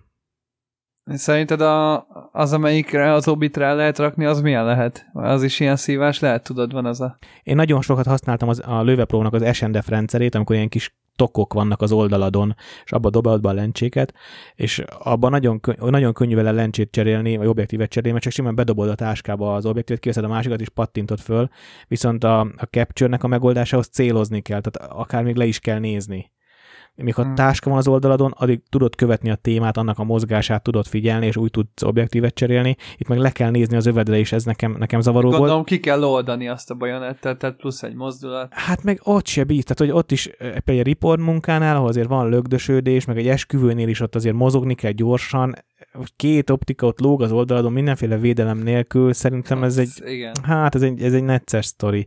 Túrázásnál még csak-csak el tudom képzelni, hogy szintén esetleg a vállon lóg, de ott is, amikor rakod le a táskát, mert egy helyen, nem, nem, én ezt nem tartom egy jó terméknek igazából. És Peti, mi a, mi a D780? A D780-nal eddig, eddig még csak az első vacsoránál tartunk. Nagy, nagyon, nagyon rövid az ismerettségünk, mert ahogy ugye hozzám került a, a Fuji optika, nem sokkal később érkezett meg hozzám a, a, a 780, és eddig csak egy fotózást tudtam leszervezni, mert jött sajnos a korona, és mindent keresztbe húzott. Öm, első benyomásom, hogy kurva jó. Nem tudom, emlékeztek, az első adásunk egyikében beszéltünk arról, hogy milyen álomfényképezőgépet szeretnénk, és én, én gyakorlatilag elmondtam a 780-at, hogy egy 850 méretű, nagyjából 24 megapixeles, fázisdetekciós live view-val rendelkező jó autofókuszú tükrös gép, és ezt tudja. Én kipróbáltam a, ezen a portréfotózáson, ahol fotóztam egyébként a, az XC35-tel, ott elővettem a 780-at is. Egy érdekes, egy érdekes benyomásom lett vele, hogy tényleg rettenetesen jók az új zélencsék. Mert ugye erre nem Igen. tudod, mert ugye erre nem tudod fölrakni az élencsét, ezért én a régi 85 1.4G-vel, 105 1.4G-vel tudtam csak kipróbálni, és ott egy az egyben össze, össze lehetett hasonlítani, hogy a Z6 egy, egy Z85-tel hogyan működik fázisdetekciós autofókusszal, és a 780 hogyan működik egy régi optikával, és és itt jött ki igazán, hogy az új Z lencséknek az autofókusz motorja mennyivel gyorsabb, mint a régiek. Hozzáteszem, hogy egy 8-as lencsét hasonlítottam egy 4-eshez, az egy 4-eseknek mindig nagyobbak, nagyobbak a lencse tagjai, tehát nem szabad egy 1 4-es optikától ugyanazt a sebességet várni. Mégis itt most ez kijött, hogy, hogy ez például lehet hátránya a 780-nak, hogy csak a régi lencséket tud rárakni, ugyanakkor ez az előnye is igazából. Persze, mert nem kell cserélni az egész sort. Hát, mert megkapod az Z6-nak az autofókuszát, az arcfelismerést, az a, a témakövetést, az lesz nagy kérdés. Live view módban. Persze. Live view módban. Hát na jó, de hát Hát jó, de nagyon sokan a Z6-ot meg a Z7-et gyakorlatilag live view módban használják. Hát Bercivel streetelünk, a Z6-ja, Z6 van már neki is, hát gyakorlatilag úgy rohangászik, hogy egy a fej előtt tartja a gépet, és így sorozatban lő és céloz, és ennyi. Tehát, hogy, hogy mindenki, ezeket mindenki gyakorlatilag live használja, mert tök kényelmes és tök pontosan működik. Persze, én, én, én nagyon szeretem oda tartani a fejemhez a, a fényképezőt, ezért is jó a Pro 3, mert az olyan nincsen kijelző a hátulján, de, de nagyon kényelmesé teszi a fotózást szerintem. Azért azért, pont azért szeretik sokan, mert ugye megkapod ezt a nagyon advanced autofocus akár keresőben is.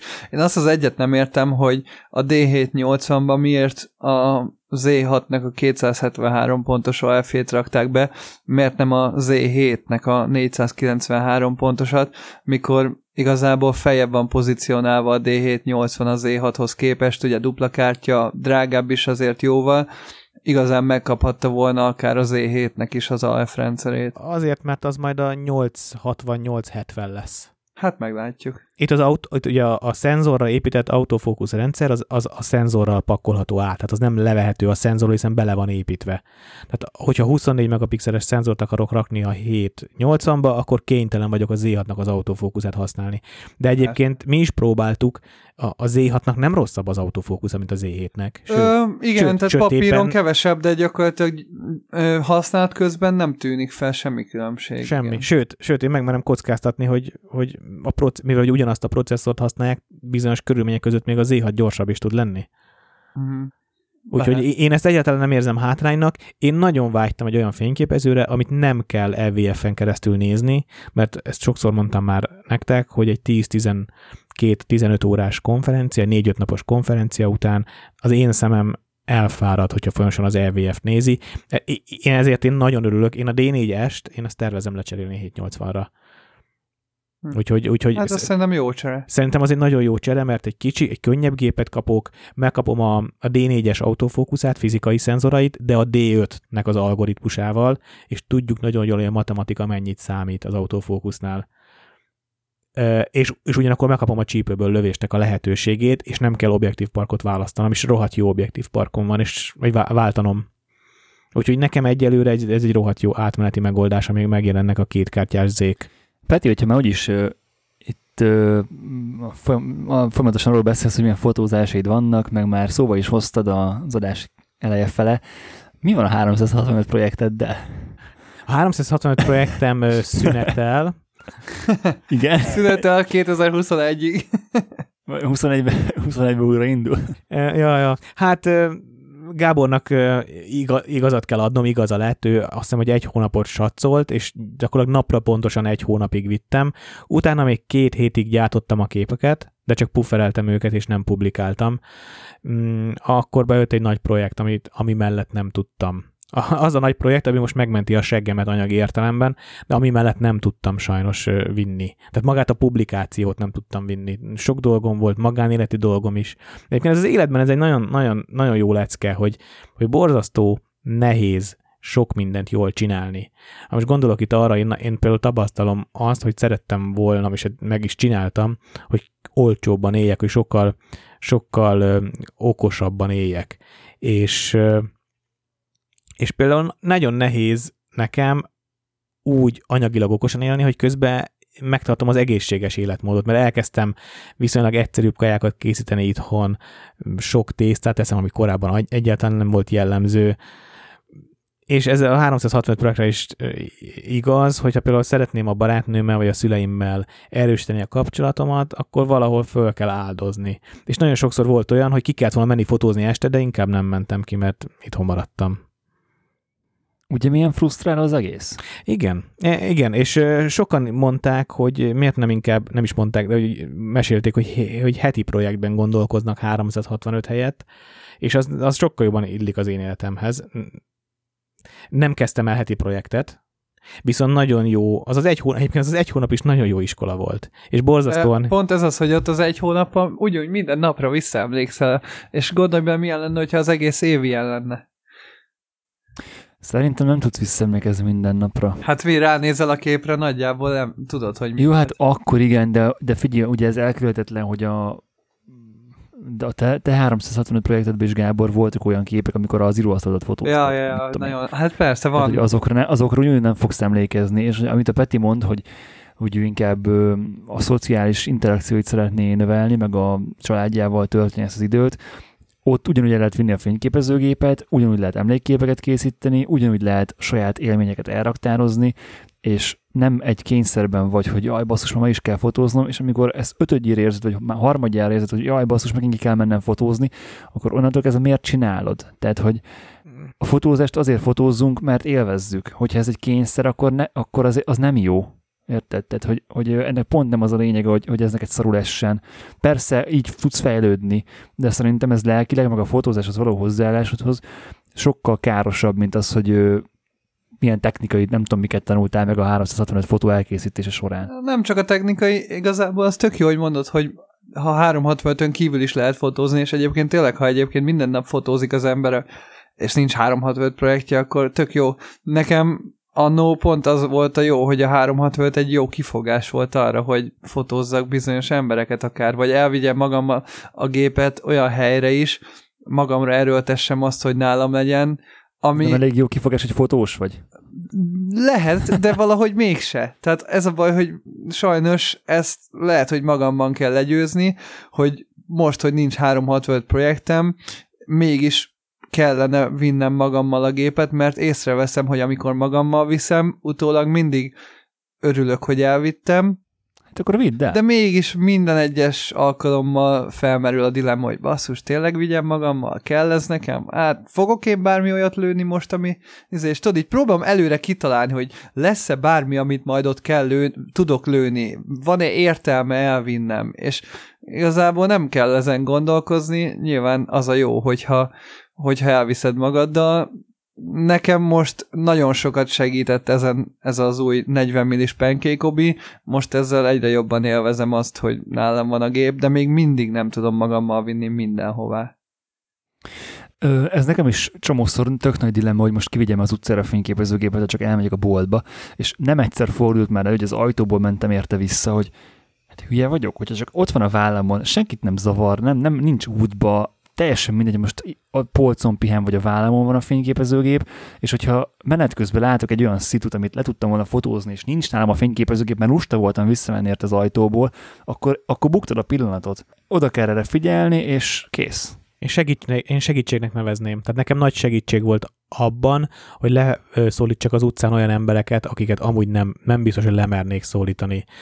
Voltak köztük gyönyörű nők, érdekes férfiak, párok, a nagymamám régi szomszédja, akivel óriási családi csetepaté volt, és ez volt az utolsó emlékem róla, hogy az Ivánt iszonyatosan szídja a családom, és ezen így felülkerekedni, megszólítani, kicsit beszélgetni vele, mm, hazafele nem csak gyönyörködni a ködben, hanem megállni, áthívni egy régi ismerőst, hogy gyere már át hozzám, hadd fotózzalak le.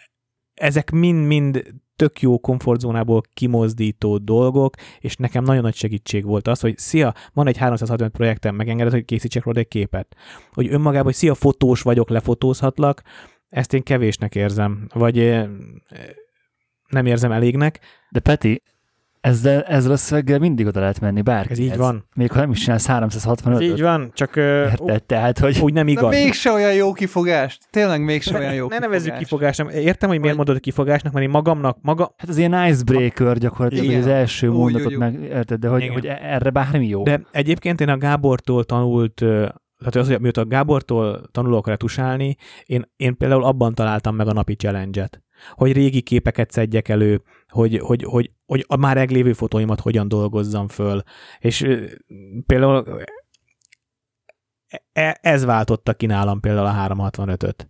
Meg ami nagyon megnehezítette, hogy a por, hogy portré, portréban igyekeztem gondolkodni, és a portrének a feldolgozási módja is nagyon hosszú. Tehát nagyon sokszor volt olyan, hogy há, két-három órát kerestem az embert az utcán, hazamentem, leválogattam, hat órámat elvitte.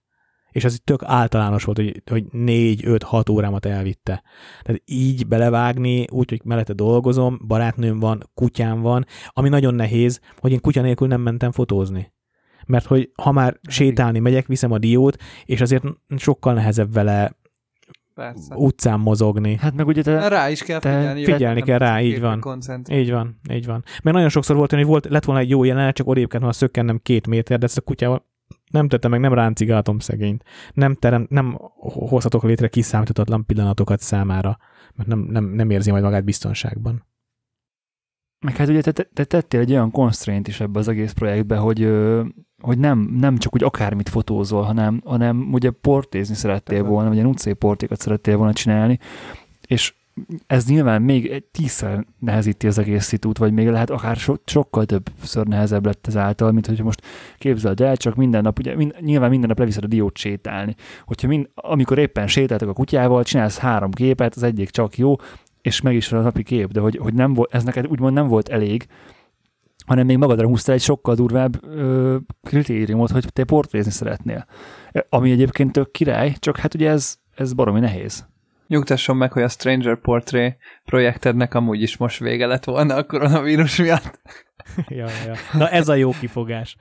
Tudtál, egyébként csináltok bármi ilyen feldolgozását ennek a témának most, hogy így, vagy bármennyire is inspirált titeket a jelenlegi helyzet, hogy ezt így fotóban megörökítsétek bármilyen formában? Tök őszinte leszek, egyáltalán nem. Engem se.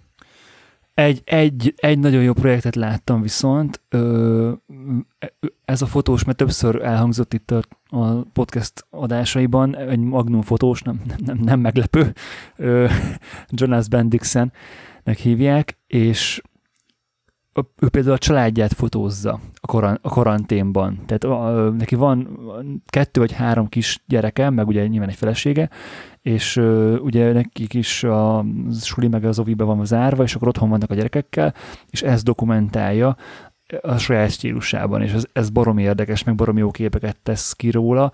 Hogyha én is a hasonló helyzetben lennék, akkor úgy gondolom, hogy sokkal jobban lennék motivált. A, az, hogy az utcán fotózzam a maszkos embereket, az az első pillanattól kezdve nem érintett meg. Tehát, hogy sem, semmilyen szinten. Majd azért ezt a családi sorozatot linkelt be.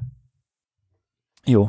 Annyian csinálják sokkal jobban annál, mint ahogy én tudnám, hogy, hogy nem vagyok motivált. Tehát én tényleg az intim portrék érdekelnek igazán, ebben meg nem látom azt a lehetőséget, és, és különben meg megmondom őszintén, van egy lelkiismereti oka is, hogy én nem akarok senkinek a nyomorának a hátán szörfözni. Tehát történik most a világban, Magyarországban, egy olyan, Magyarországon egy olyan folyamat, ami nagyon sok embert érint egészségileg, gazdaságilag, családok szakadnak el egymástól, hogy most én kimenjek és üres utcákat fotózzak, és ne, csak azért, hogy nehogy, nehogy Isten az Index felkapja és kirakja valahova, hogy, né, hogy a Láng Péter kiment és milyen fasza üres utcákat fotózott, ez engem egyáltalán nem motivál. Nyilván nem az, hogy a Láng Péter, én inkább valami olyasmi motivációt gondolnék e mögé, csak én is úgy vagyok vele, hogy valahogy én úgy érzem, hogy most ez így nem annyira éri meg, vagy nem mindenki pont ezt mondja, hogy maradj otthon, akkor ne az legyen az első gondolatot, hogy kimész fotózni, de picit a múltkori Harry Benson adásra vissza utalva, hogy nem ez lenne a motiváció, hogy Láng Péter fotói az Indexen, hanem az, hogy úgymond dokumentálva legyen egy olyan helyzet, ami majd később lehet, hogy értékes lesz pár tíz év múlva, de tényleg vannak olyan fotósok jelenleg, szerencsére nekik még van munkájuk talán, akik akik ezeket most feldolgozzák, és olyan helyeken vannak, hogy olyan fotókat tudnak csinálni, aminek a nyomába mi úgyse fogunk érni, szóval nincs is értelme nagyon próbálkozni vele. E, igen, tehát hogy pont, pont ezt akartam is mondani, hogy, hogy ö, ezt a riportfotósok, tehát a konkrét riportfotósok, akik, akik így dolgoznak nap, mint nap, ők,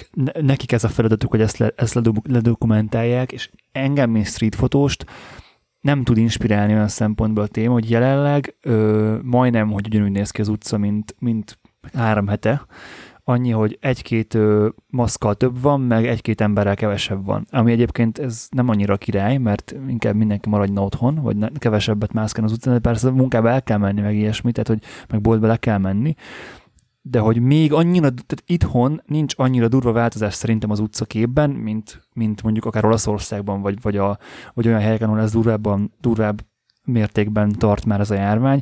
Lehet, hogy majd eljutunk oda, hogy, hogy ténylegesen nagyon-nagyon észrevehető lesz az utcaképben az, hogy most itt, itt mi van, de akkor meg szerintem nem fog, nem az, nem az lesz a legnagyobb probléma, hogy mikor menjek ki fotózni, hanem hogy, hogy, hogy én éljem túl, vagy hogy ne kapjam el ezt a betegséget. Meg picit, mint ahogy ugye maga a vírus is egy láthatatlan dolog, és úgymond így fogalmazzák meg, hogy ez most egy háború egy láthatatlan ellenség ellen. Picit a hatásai is ilyenek, hogy nem vizuálisan feldolgozhatók, tehát mindenkinek inkább ilyen lelki hatására igen, van rá. Igen. nem, nehéz ezt láttatni, vagy nem látszódik annyira még most a hatása, meg a gazdasági hatását sem tudod nagyon fotókkal nagyon megmutatni, vagy nem tudom még most. És pont amit mondasz, Gábor, hogy ez, ez ilyen lelki dolog, meg hogy ugye ez, e, tényleg, hogy ez nem, nem, nem, nem le van pusztulva az utca, nem, nem tudom, nem, nem szét vannak lőve a házak, mint mondjuk egy háború idején, hanem ugyanaz az utca, mint e, egész életünkben eddig, és hogy a, hogy a lelkedre hat igazándiból ez az egész dolog, meg, a, meg így láthatatlanul hat, és a, Jonas Bendixennek ezért tetszik nagyon a sorozata, mert ugye ő például a gyerekének az úgymond szenvedését mutatja meg sok képen, hogy mennyire vannak már ki, hogy nem mehetnek ki az utcára, nem mehetnek el a barátékkal találkozni, be vannak egész nap zárva, csak az udvarra tudsz kimenni velük, stb. Hogy ő, és ezekhez a, ezekhez a képekhez olyan vizuális fogásokat alkalmaz, ami nagyon erősíti ezt az egész ilyen elidegenedést, meg ezt az egész social distancinget, hogy itt van értelme.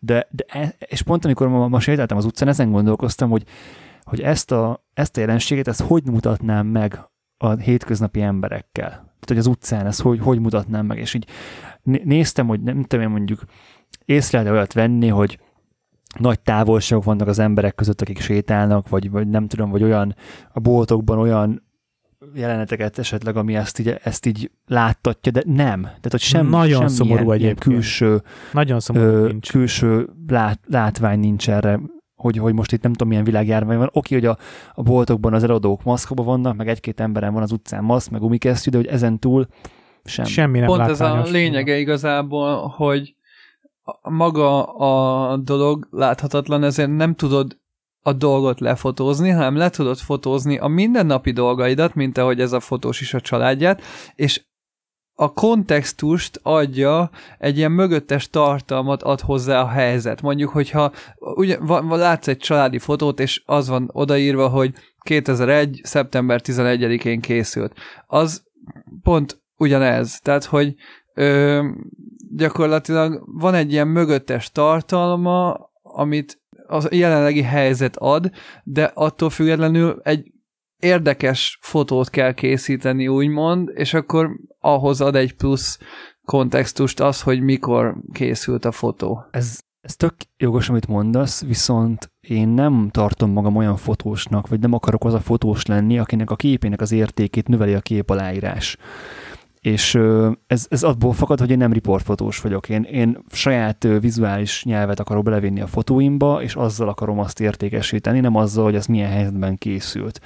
Hogy, hogy gyakorlatilag a helyzet az teljesen másodlagos legyen, ö, pusztán olyan vizuális élményt adjon az a kép a nézőnek, hogy azt értékelje, vagy valamit adjon át neki, és ne a kép aláírás adja a képet, hogy le van fotózva egy ö, üres szoba, vagy egy üres mondjuk osztályterem, tök szarul, vagy ilyen tök statikusan, és alá van írva, hogy koronavírus Magyarországon. És nyilván az így benne tök sok mindent elindít, de hogy az, mint fotó, attól még semmit nem ér a szememben. Teljesen egyetértek, és ugyanilyen megfontolásokból egyszerűen nem, nincs kedvem, motivációm foglalkozni a témával. Egyébként ti láttok bármi fajta pozitívumot ebben az egész szituációban?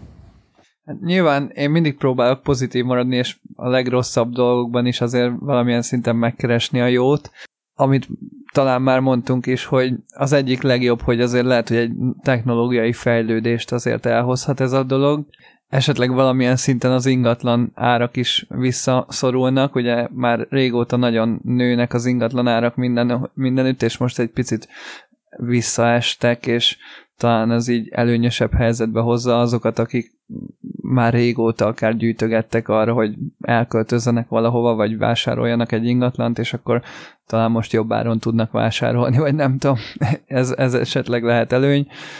De például a Canonnál már most ugye tudjuk, hogy az erőt az csúszik, gyárak leálltak, meg ilyesmi, szóval az már mondjuk negatívum.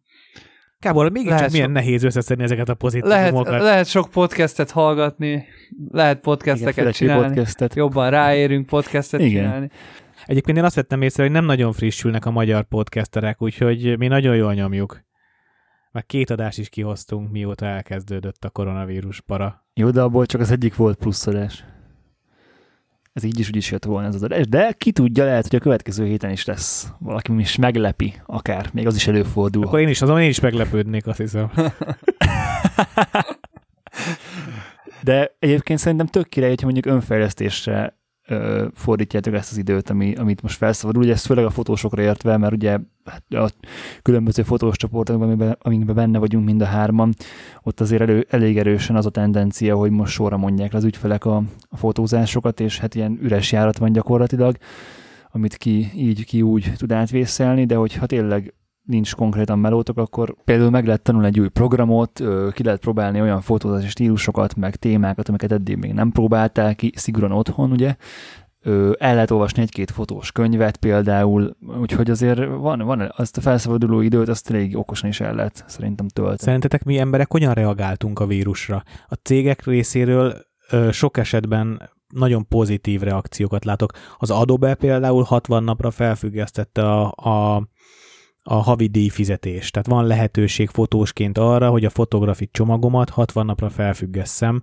és erre az időszakra ne kelljen fizetnem. A Tripontól most kaptunk egy hírlevelet, amiből kiderül, hogy elkezdték a Capture One tutoriálokat feliratozni. Tehát, hogyha most akarsz megtanulni Capture One programot használni, akkor ez tök jó lehetőség arra, hogy a YouTube-on e, tutoriálokat néz, és, és mindenféle igazi pressure nélkül ráérősen tanuld meg a program használatát. Találtatok, találkoztatok még hasonló pozitív példákkal vállalatok vagy emberek részéről? Például én láttam olyat, amikor egy fod, fodrász ismerősömnek a főbérlője küldött üzenetet, hogy, hogy ne is számítson arra, hogy elfogadja az e-havi bérleti díjat, és nagyon jó egészséget kíván. Mástól meg azt hallottam, hogy mindenképpen bevasalták. Szóval Igen, na- nagyon... én eddig inkább az utóbbival találkoztam. Egyébként abba érdemes belegondolni, hogy hogy változik meg most úgymond a dinamikája a fotósoknak, hogy azok a fotósok, akik korábban nagyon-nagyon tele voltak munkával, azok hajlamosak voltak ugye azt hinni, hogy ők mekkora királyok, azért mert sok megkeresésük van, és most, hogy úgymond egyenlő lett a, a playing field, gyakorlatilag mindenki otthon ül, és senkinek nincs munkája. Most azért tényleg érdemes lehet megnézni más fotósok instáját, amire nem volt korábban időtök, más fotósok weboldalait átnézni, és elgondolkozni, hogy ti milyen szinten vagytok hozzájuk képest, és megnézni azt, hogy oké, okay, most senkinek nincs munkája, és lehet, hogy tényleg tavaly a hihetetlenül nagy bevétel lett, de nagyon jól érezted magad, és azt hitted, hogy te vagy a legjobb fotós, meg nem volt nagyon időd a munka mellett összehasonlítani a saját szintedet a konkurenciához képest, vagy nem vetted észre, hogy egyébként lehet, hogy sok munkád van, de milyenek voltak azok a munkák, meg milyen szintűek, meg tényleg olyan munkák voltak-e, amiket szeretsz csinálni, hogy szerintem tényleg ez, ez az önfejlesztésnek most az ideje, és ilyenkor, amire a legtöbb tényleg elhalmozott dolgozó fotósnak nincs ideje, hogy kicsit tényleg ilyen önismereti ö, gyakorlatokat végezzen, vagy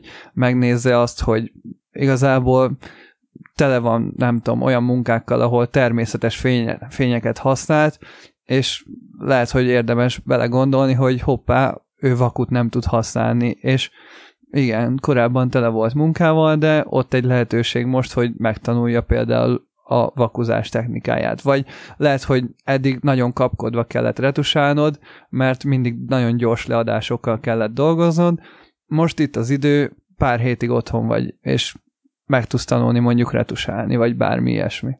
Ezért milyen ördögi, hogy mi is Hát talán hónapok óta beszélgetünk arról, hogy beindítunk egy ilyen online konzultációs lehetőséget a hallgatóink számára, és hogy éppen, hogy csak nem fejeztük be az ezzel kapcsolatos tematikus oldalt, és már is aktualitása lett annak, hogy online tanuljunk egymástól ö, fotózni, kommunikálni.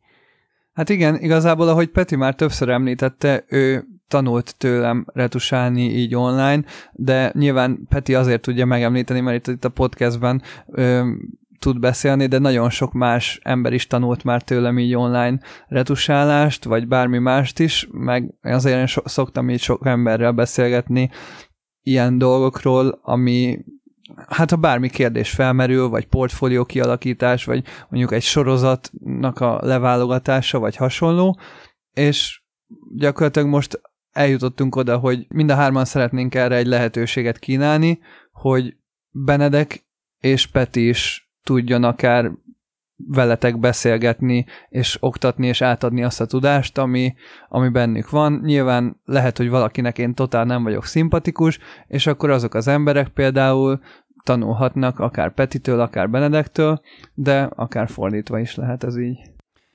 Hát nem is biztos, hogy nem vagy szimpatikus neki, hanem egyszerűen a fotózási stílus az nem az, amit te Így mondjuk van. művelsz, vagy amiben te jó vagy, hanem sokkal inkább, mint mondjuk, amit a Peti, vagy amit én csinálok, és hogy ez nem ez, ez nem csak azért jött létre, hogy, hogy mi, mi mekkora királyoktatók vagyunk, és hogy tőlünk minden, mindent meg lehet jól tanulni, hanem ez egyfajta támogatási rendszer, és igazándiból sokan jeleztétek, hogy tök jó lenne ö, támogatni a podcastet valamilyen formában.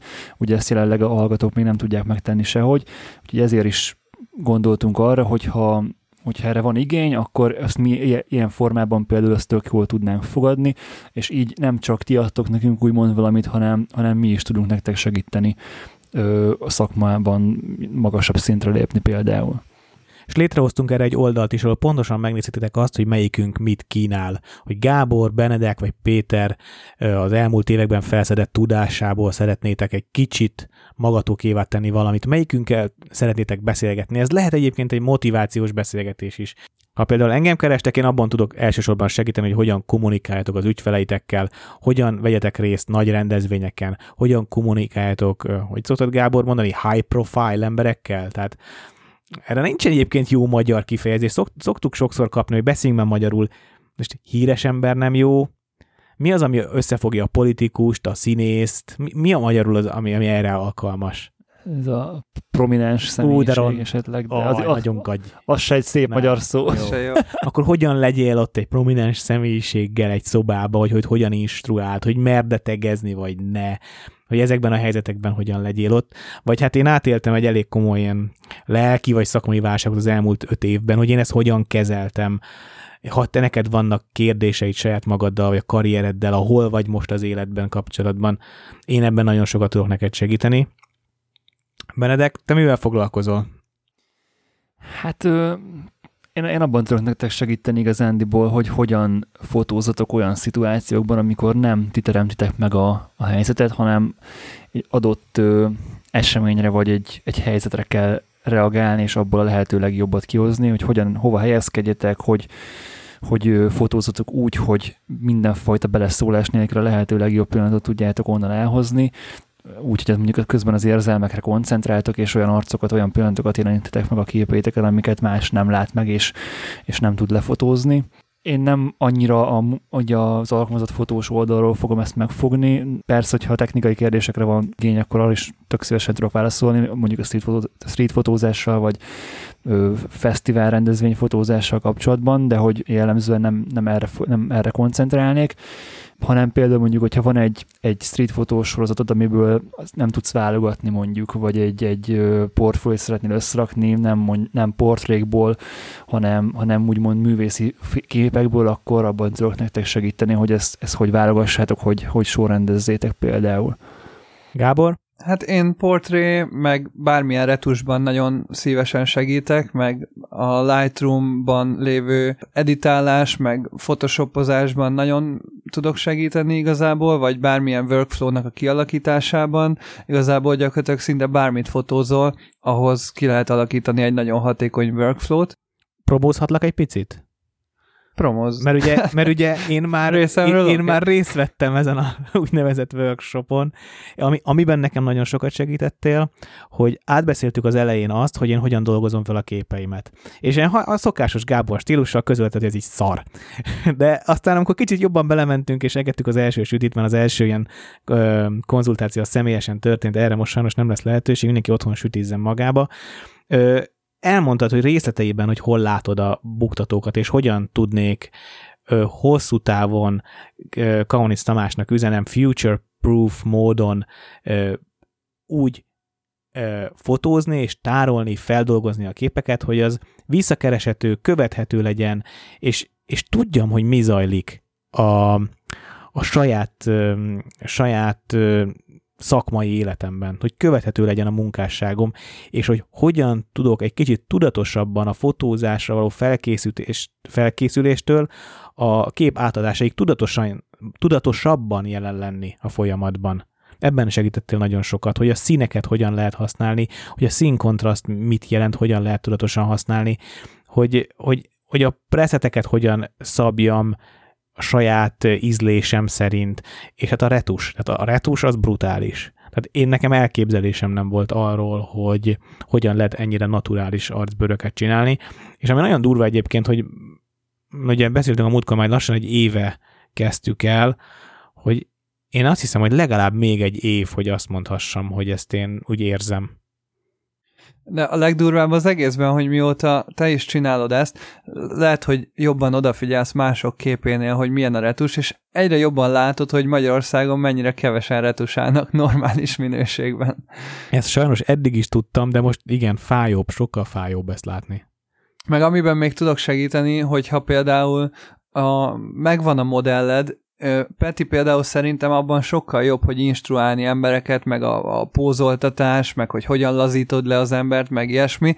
Abban szerintem Peti jobb, mint én. Viszont én abban tudok jobban segíteni szerintem, hogyha a modelled már valamennyire ügyes, és úgymond te fotósként akarsz fejlődni a fotózáson, és nem arra kell figyelned, hogy a modellt hogy állítsd be, meg ö, hogyan pózoltasd, vagy hogyan kommunikálj vele, bár ebben is azért tudok segíteni a kommunikációban, vagy hogy hogyan add át neki a saját elképzelésedet, de én abban tudok szerintem jobban tanácsokat adni, hogy a saját stílusodat te, mint fotós hogyan fejlődj, hogyan tudsz eljutni arra a szintre, ahol már nem feltétlenül csak a modellre, mert ugye van két szintje ennek, van, amikor a, ugye a modellre figyelsz, és arra az elképzeléseidre már nem annyira tudsz odafigyelni, és próbálod a modellből kihozni a maximumot, és mellette a, az eltervezett ö, kép az nem úgy sikerül, ahogy gondoltad, Viszont van az a szint már, ahol a modell úgy mozog, ahogy te akarod,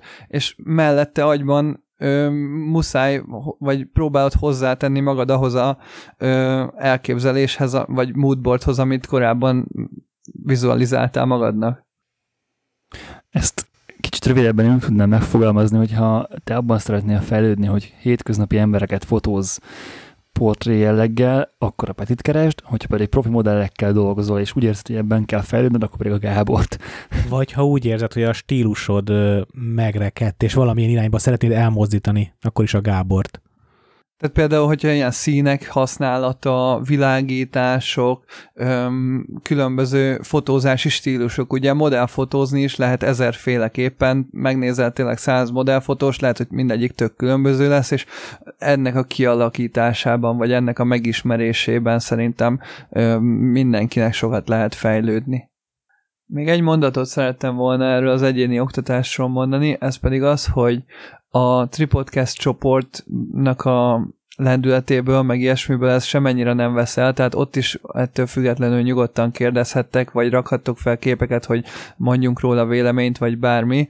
Ez inkább egy ilyen személyes jellegű, privát dolog, és maximális bizalommal és nem tudom, titoktartással megy ez, a, ez az oktatás, úgymond, tehát, hogy amit ott ketten beszélünk az egyéni oktatás alkalmával, az köztünk is marad. Az, az se nyilvánosan, se privát módon harmadik fél számára nem tudódik ki. Tehát, hogyha te egy befutott portréfotós vagy, de instruációs segítséget kérsz, az senkinek nem fogjuk továbbadni. Nézd már, ez a hülye fölhívott. Ez nagyon fontos. Tehát, hogy tényleg... Ez... Bennem ez egyébként fel sem hogy ez probléma lehet valakinek. Figyelj, az a durva, hogy a fotós szakmában a bizalmi elv, az én, én egyáltalán nem érzem aktívnak. Nagyon sokszor látom, de ezt már beszéltük a múltkori adásban is, hogy olyanokat posztolunk ki ügyfélről, ami totál nonsens. Szerintem ezt nagyon, nagyon fontos elmondani, hogy ezt, ezt mi komolyan vesszük. Hát igen, igen, igen. Hát az átcsoport csak éppen 150, 150-en vannak benne. és sose tudod, hogy ki ez a maradék 149 ember rajtad kívül, meg a 10 haverodon kívül, akiket tudod, hogy benn vagy. Ja, szóval olyan kérdések is nyugodtan jöhetnek a, a csoportba, amik eddig jöttek, ha pedig úgy érzed, hogy egyénileg tudunk segíteni, akkor arra van ez a lehetőség. És remekül illeszkedik ide egy hallgatói kérdés, amit végre újra kaptunk, hallgassuk is meg. Sziasztok, Norbert vagyok. Péter írt egy tök jó kritikát az egyik fotómra, említette benne a modellkommunikáció hiányát. Meséljetek arról picit, mit értetek modellkommunikáció alatt? Köszönöm szépen! Norbert, köszönjük, hogy a kérdésedet hangüzenet formájában is elküldted. Mi már egy ilyen kis privát csetet folytattunk a képekkel kapcsolatban, de én mindenképpen szerettem volna a srácok elé hozni a témát, mert tök fontos kérdést tettél föl. A modellkommunikáció Hát jó gazdag, jó gazdag, hogy honnan is kezdődik. Én egészet, én, nyilván én ott kezdeném, hogy hogy az, az első lépést megteszed a modell felé, ahogy, ahogy ha most TFC, TFCD-ről beszéljünk, Gábor, szerinted? Vagy általánosabban? Bármilyenről. Aha, bármilyenről szerintem, bármilyen fotózásról lehet szó. Nem, tehát az, az, hogy most milyen módon jön létre, vagy most kifizet kinek, vagy TFCD, nem TFCD, az gyakorlatilag se a fotók szempontjából nem releváns, se a modell szempontjából, mert nem, nem tudom, szerintem ja, simán csak így Azért mondom, ha például TFCD modellről van szó, vagy TFCD fotózásról van szó, akkor én például nagyon szeretem nagyon gyorsan telefonra terelni a megbeszélést. Nem szeretek hosszan írni, hogy legyen egyből egy személyes benyomás, ne legyen félreérthető üzenet. A ruhákat is szerintem sokkal könnyebb élő szóban telefonon megbeszélni, mint sem írogatva. Bár ez tök jól ki, ki lehet egészíteni egyébként Facebook csettel, amikor hogy lefotózza azokat a ruhákat, amik, amik, amik majd a fotózáson előkerülnek. Illetve jó szerintem az elején megbeszélni a szabályokat, illetve megbeszélni azokat a dolgokat, amik a fotózás során felmerülnek. Például, hogy hogyan sminkelt ki magad, milyen legyen a hajad, vagy hogyha, hogyha egy kicsit izgalmasabb fotózásról lesz szó, hogy, hogy olyan ruha legyen rajtad, vagy lehet-e rajtad, ami egy picit átüt, vagy sem. Ezeket a szabályokat szerintem jó az elején megbeszélni, hogy mi az első perctől kezdve egy bizalmi, nyílt kommunikáció zajlon a fotós és a, és a modellje között. Az így van, én is így gondolom, hogy én általában úgy szoktam, hogy elmondom neki, hogy milyen elképzelésem van, és hogy gyakorlatilag az neki belefére, ha azt mondja, hogy nem, akkor meg esetleg változhatok az elképzelésemen, és megpróbálok egy másik stílust kitalálni, amire úgy gondolom, hogy, hogy az a lány megfelelő lehet. Tehát amikor látok egy modellt, akkor nyilván már van egy elképzelésem, hogy milyen képet szeretnék róla, vagy vele megvalósítani, és akkor, hogyha ő azt mondja, hogy az neki nem fér bele, vagy éppen ö, nincs rá olyan helyszínünk, vagy, vagy nem tudjuk azt az elképzelést százszerzékosan megvalósítani, akkor elkezdünk esetleg gondolkodni, hogy milyen alternatíváink vannak, és mi az, ami, ami neki is esetleg tetszene. Nekem ilyen szempontból nincsen annyira sok tapasztalatom, mint nektek srácok, viszont a képeket látva, meg, meg sok TFCD képet látva, azt fedeztem fel, hogy ilyen mintázatot figyeltem meg, hogy vannak bizonyos pózok, amiket mindenki imád használni, és ezt általában olyan környezetben, meg olyan szituációban teszik, amik akkor a póz, meg önmaga a fotó így köszönő viszonyban sincsen egymással. Hát azért, mert maga a szituáció az a fotózás. Igen. És gyakorlatilag bármilyen helyszínbe, bármilyen hangulatba berakod, a lány úgy érzi magát, hogy ő egy fotózáson van, és akkor nekem most meg kell fognom a fejemet, meg a hajamat, meg a nem tudom. Igen, tehát Péter, gondolok arra a pózra, hogy hát, neki teszi a hátát a falnak, fölrakja az egyik lábát, és beletúr a hajába. És ez szinte az összes TFCD-s, meg ilyen amatőr fotózáson ez, ez, ez a póz az előkerül, val- valamilyen formában. És megnézed egy profi divatfotósnak a portfólióját, ott meg tökre nincsenek meg ezek a pózok. Igen, tehát hogy, hogy ezek, ezek olyan pózok, meg olyan berögződések, amiket igazándiból tényleg csak így úgymond az amatőrek vagy a kezdő fotósok alkalmaznak, és nekem az lenne a tanácsom, aki ezeket így használja, meg így szeretné ezeket mondjuk elkerülni, hogy olyan olyan pózokat, igazán ne is pózoltasd a modellt, hanem próbálj róla a, a saját természetes mozdulataiból olyanokat kiragadni, amik jól néznek ki. Nyilván ezt helyez bele egy jó környezetbe, egy jó fénybe, és ott akár ha csak beszélgetsz a modelleddel, vagy, vagy ő egy helyben áll, vagy nem tudom, nézeget jobbra-balra, ott, ott próbálj meg elkapni olyan képeket, ami kiemeli a lánynak adott esetben a szépségét, az a, a hangulathoz illeszkedő mozdulatsort, próbálja meg megörökíteni, és ne egy ilyen mesterkélt mű dolog szülessen ebből az egészből, mert az tök természetellenesen fog hatni, és emiatt nem lesznek jók a képeid. Amit a Benedek akar mondani, szerintem a legjobban megfogalmazva úgy lehet, hogy a kevesebb több. Így van. Tehát ne, ne feltétlenül akart pózoltatni a modellt. Tehát ne, ne, ne kényszerítsük bele, ül egy széken, belül a hajába. Ki csinál ilyet? Úgyhogy közben belenéz, a, belenéz mindkét szemével a kamerába. Tehát, hogy, hogy ezek olyan természetellenes dolgok, amiket így való életben senki soha nem csinál. És az, az, az, az, hogy, az hogy ez egy fotózás, az ettől még nem lesz ö, nem validálódik, ez attól nem lesz jó, hogy, hogy most ez egy fotózás során készült, ez a póz, vagy ez a, ez a beállítás. Szerintem is az a fontos, hogy ne fotózáson legyünk. Tehát, hogy létező kontextus próbáljunk megteremteni a, a barátnő a pasiával nyaral, a, jellemzően szerintem nő és férfi kontextusban, tehát hogy amikor férfi fotós fotóz nőt, szerintem bátran lehet ö, ö, a fotózásban női-férfi kontextust fölvenni. Tehát a, nyilván senki se akarja a lányát vagy az anyukáját fotózni egy, egy, egy ilyen helyzetben. Ahhoz, hogy egy, egy, egy lány, egy nő a nőiessége ki tudjon bontakozni, ahhoz szerintem kell egy, egy férfi a, a, a közegbe. Egy udvarias, odafigyelő, nem nyomoló, nem szexista, egy, egy, egy magával rendben lévő férfi, és akkor fog tudni szerintem a dolog igazán jól működni, hogyha ezt hitelesen valahogy tudod is kommunikálni, hogy, hogy, hogy ilyen ember vagy. És ahhoz, hogy jól működő sorozatok készüljenek, el kell felejteni azt, hogy meg akarunk játszani valamit. Szerintem engedjük meg a modellnek azt, hogy ő a saját valójában jelen, legyen jelen egy helyzetbe, és azt finoman instruáljuk, finoman hangoljuk. Ha ez olyan úgy képzeld el, hogy van egy recepted, akkor azt ne áthúzd piros ceruzával, és és a, nál, a csokitortára megfelelő alapanyagokból próbálj megcsinálni egy sült csirkét, hanem a csokitortához megfelelő, legfeljebb egy kis dióval meg. Tehát, hogy nagyon finoman, pici dolgokban ö, módosítsuk, vagy kicsi, kicsi dolgokban kezdjünk el változtatni. Ugye mondod, én ezzel nem teljesen értek egyet, hogy muszáj férfinek jelen lennie egy fotózáson, vagy muszáj férfinak lennie a fotósnak, azért nagyon sok női fotóst ismerek, akik nagyon nagy érzékkel ki tudják hozni. Nem, nem azt mondtam, hogy muszáj férfinak lennie, hogy ha férfi és női kontextusról beszélünk, én nem tudom milyen nőként fotózni, mert nem vagyok nő.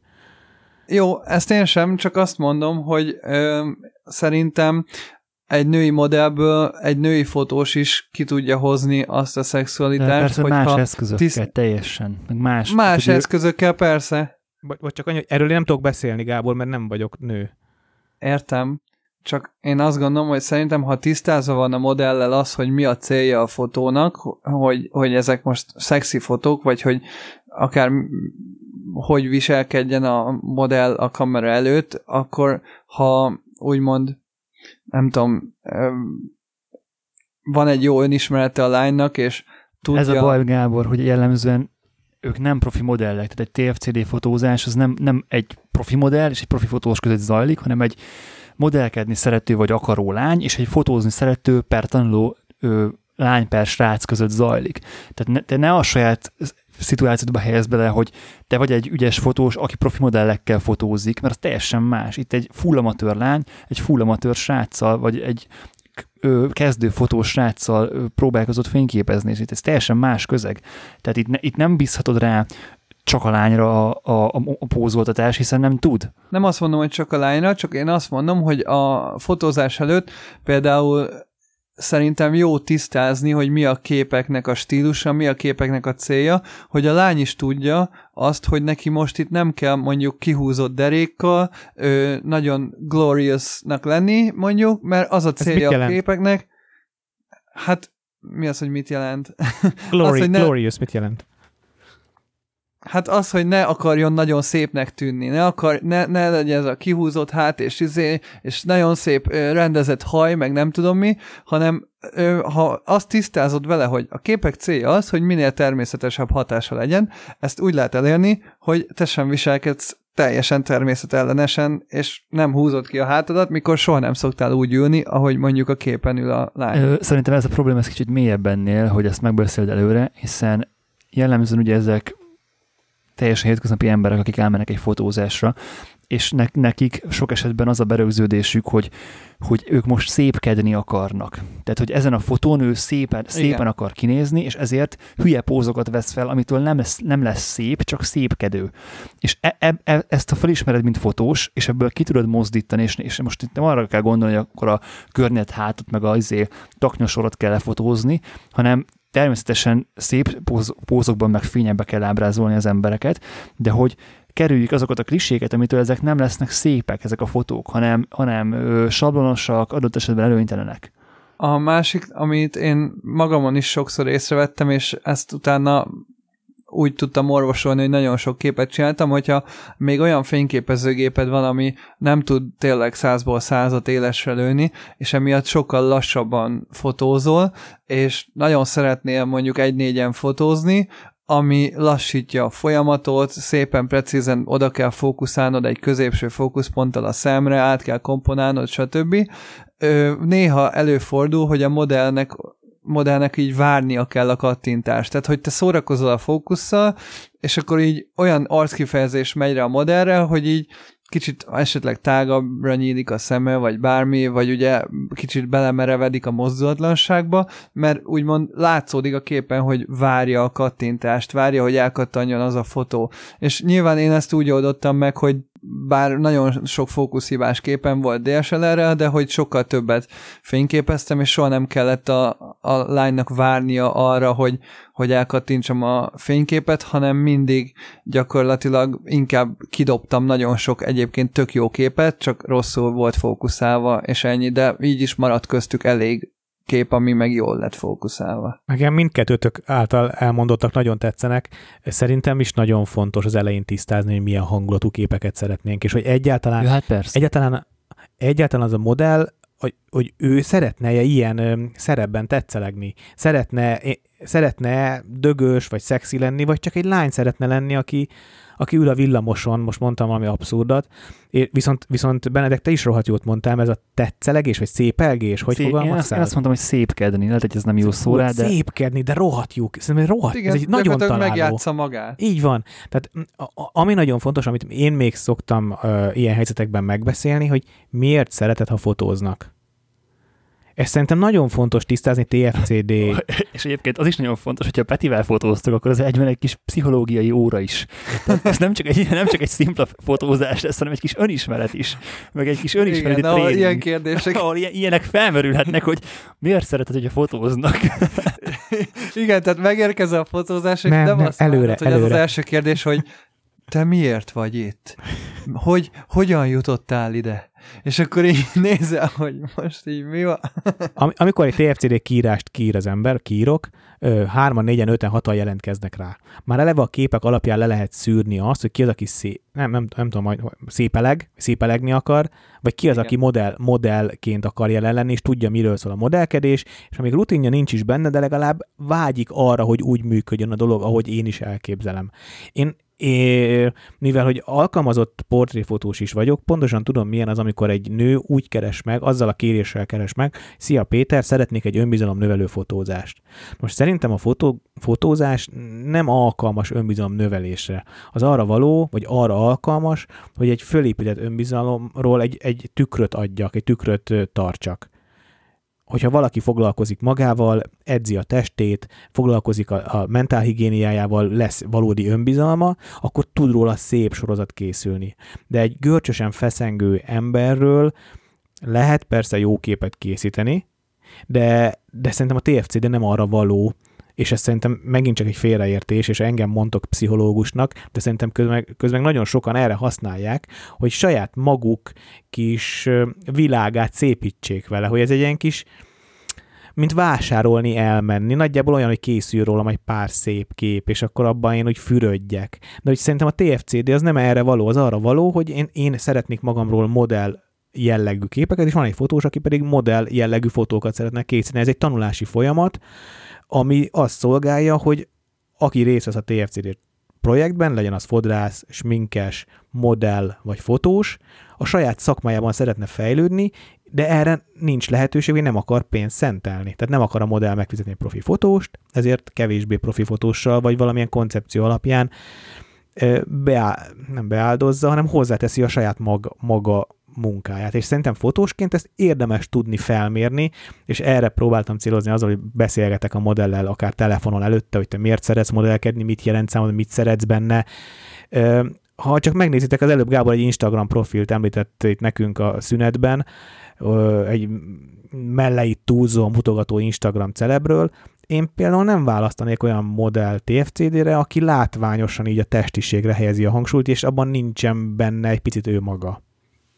Abszolút, ezzel én is egyetértek. Én igazán azt tudom tanácsolni neked is, Norbi, meg a többi hasonló cipőben járó fotósnak, hogy próbáltunk meg elszagadni ezektől a bevett, bevett klisés pózolás, pózoltatásoktól, ahol, amit egyébként lehet, hogy a lány ő vett fel önmagától, hiszen ez nagyon benne van a köztudatban, ezek a pózók, ezt nagyon sok helyen lehet látni, hogy amit, amit korábban is mondtam, hogy így tetszelegni, vagy így szépkedni akarnak a képeken, de hogy ez sajnos pont az ellenkező hatást érik el, és ülj le mellé a padra, beszélges vele három szót, közbe figyeld, hogy mondjuk az ellenfény hogy csillan meg a haján, vagy hogy, hogy, hogy tud belekomponálni a hátteret a, a portréjába, próbálj meg olyan, olyan beállításokat keresni, amik nem ezek a beállítások, nem közvetlen szemből, nem csak oldalról, vagy ezek az ilyen nagyon klisés dolgokat, hanem, hanem tényleg, hogy neki mi áll jól, mi áll jól, milyen szögből néz ki jobban, milyen mozdulatok voltak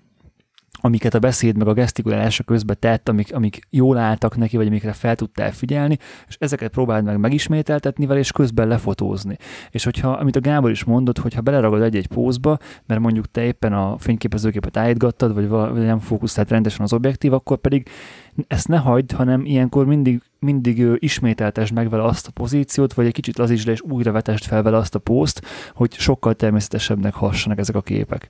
Még Peti előbbi mondatához visszatérve, az egyébként tényleg fontos, hogy miért fotózik. Azt azért lehet látni, akár a TFCD csoportokban sokszor, hogy tényleg sokszor amatőrökkel fotóznak a lányok, mert nem feltétlenül számít nekik az, hogy milyen a végeredmény, és tényleg a már meglévő képeiből nagyon le lehet szűrni egy lánynál, hogy, hogy milyen a stílusa, vagy hogy mennyire fontos neki a fotózás, mert hogyha boldog-boldogtalannal elmegy tök béna fotókat lőni, akkor nem biztos, hogy a, a te embered, és nagyon sok lány nem azért megy el fotózni, hogy nagyon jó képeket gyártsunk, hanem az élmény kedvéért, maga a fotózásnak a cselekedete, ami, ami őt izgatja, ami neki tök jó, hogy közben bókolnak neki, tök jó, hogy tényleg, ahogy Benedek mondja, tetszeleghet a kamerának, kicsit nőieskedhet, felvehet olyan ruhákat, amiket egyébként az utcára, vagy csak nagyon ritkán tud felvenni,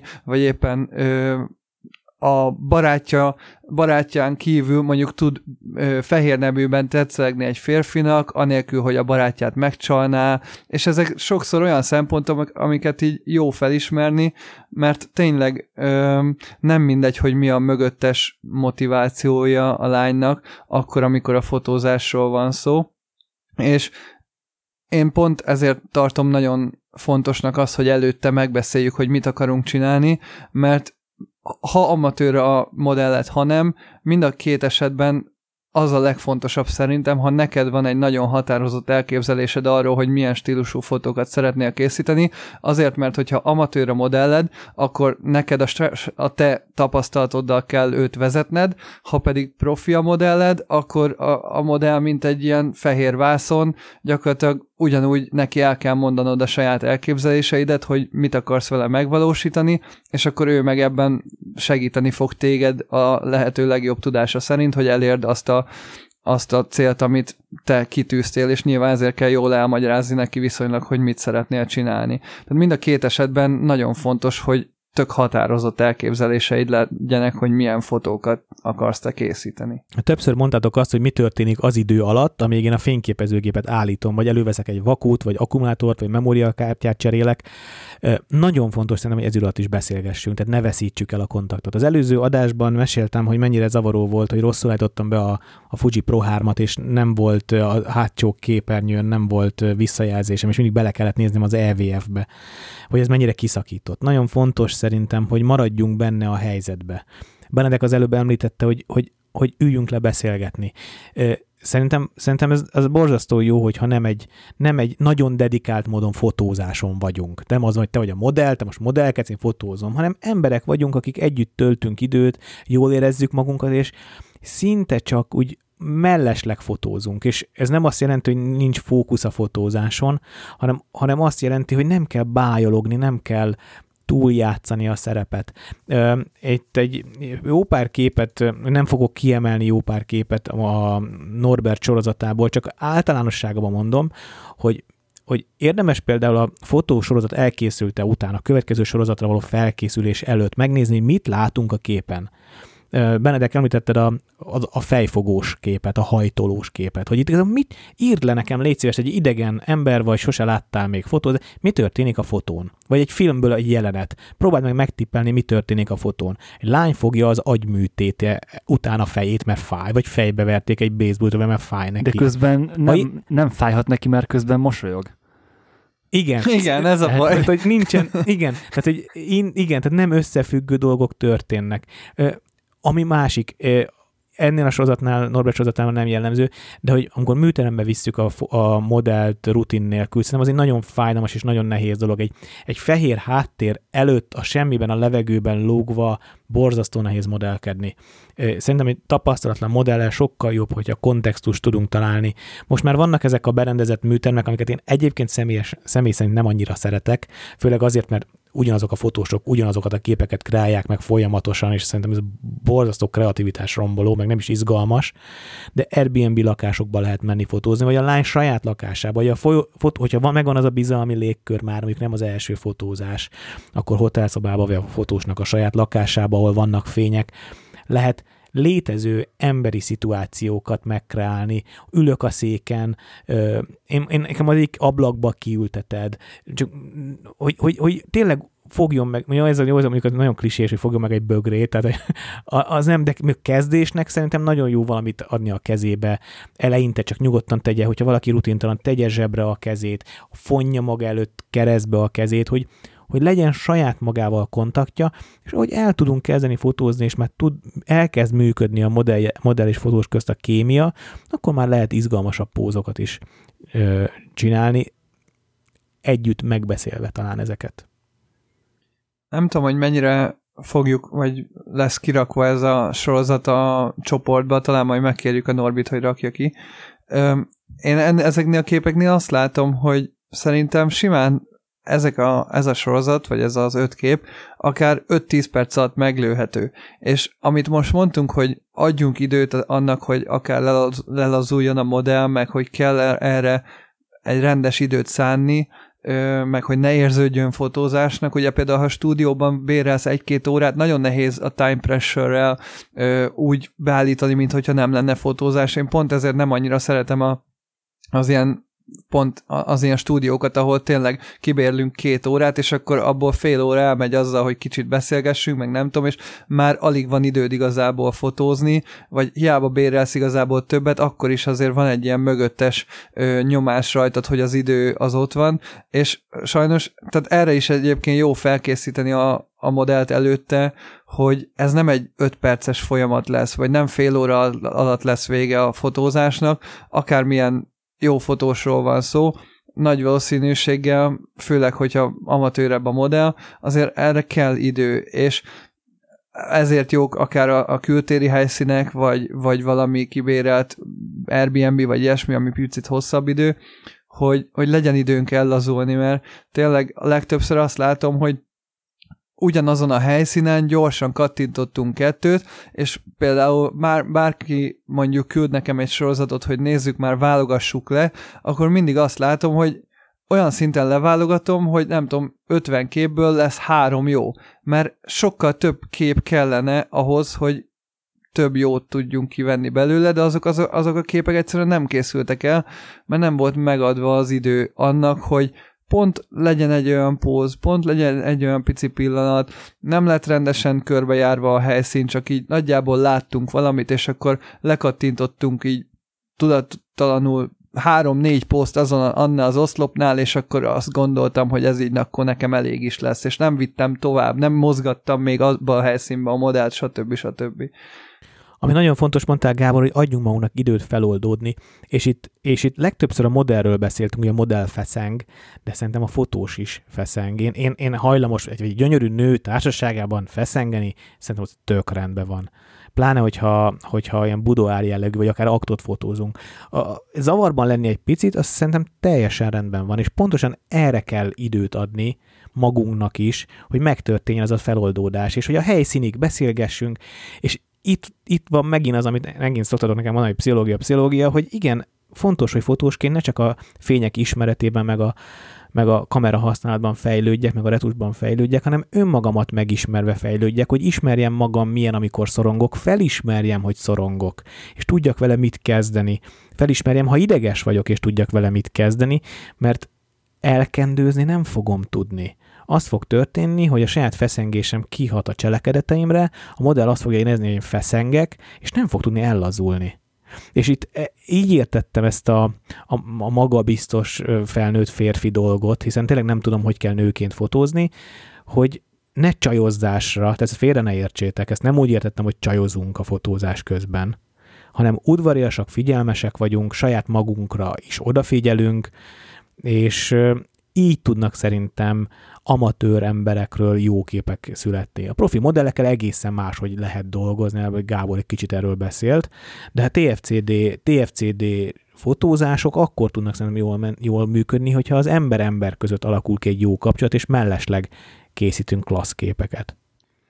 Nyilván a profi modellekkel is muszáj kommunikálni, ott például sokszor az okozza a nehézséget, hogy a modellügynökség akár nyilván úgy küldi ki, vagy nem engedi a modellügynökség, hogy előtte kommunikálja a modellel. Emiatt tök nehéz előre átvinni az elképzelésedet, és sokszor maga a modell is úgy jön el a fotózás, hogy hát oké, okay, akkor ma ez a harmadik fotózás, ő is egy random fotós, minden nap ezt csinálom, és akkor így kicsit félváról veszi. Tehát például néha van, hogy sokkal jobb tapasztalatom van akár egy szabadúszó modellel, aki ténylegesen ö, beleadja úgymond mindenét abba, hogy jó képeket csináljunk, és nem csak rutinként kezeli az adott fotózást, és előtte nem az ügynökségen keresztül, hanem konkrétan vele tudok beszélni, akár Facebookon, Messengeren, itt-ott keresztül, mert minél többet beszélünk ugye a fotózás előtt, meg egyeztetjük az elképzeléseinket, vagy küld nekem inspiráló fotókat, hogy mi az, ami neki tetszik, én is küldök neki, megmutatja ugye a ruháit, stb. stb.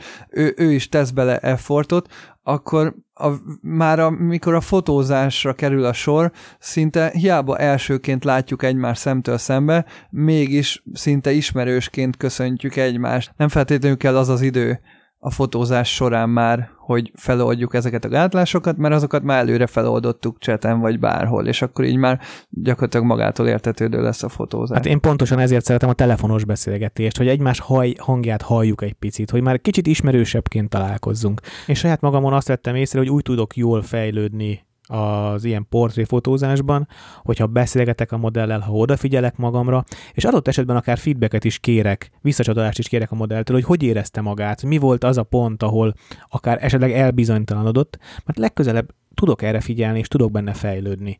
És szerintem tekintsük egymást csak simán barátoknak, embereknek, és emellett fotózzunk. Legalábbis a rutintalan TFCD fotózások szerintem sokkal szerencsésebbek, ha így kezdődnek, és aztán majd valahova úgyis együtt kifejlődik. Azt meglátjuk, hogy hova. És ne toljátok túl, a kevesebb, az néha több. Nyilván erről ezer évet lehetne beszélgetni, de szerintem most tök jól feldolgoztuk ezt a témát, és nagyon örülünk, hogy jött egy ilyen hallgatói kérdés, mert másképp ez a téma lehet, hogy fel sem merült volna a podcastbe.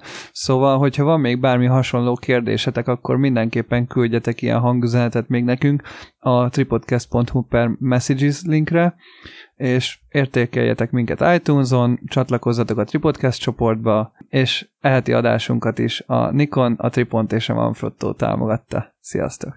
Sziasztok! Sziasztok!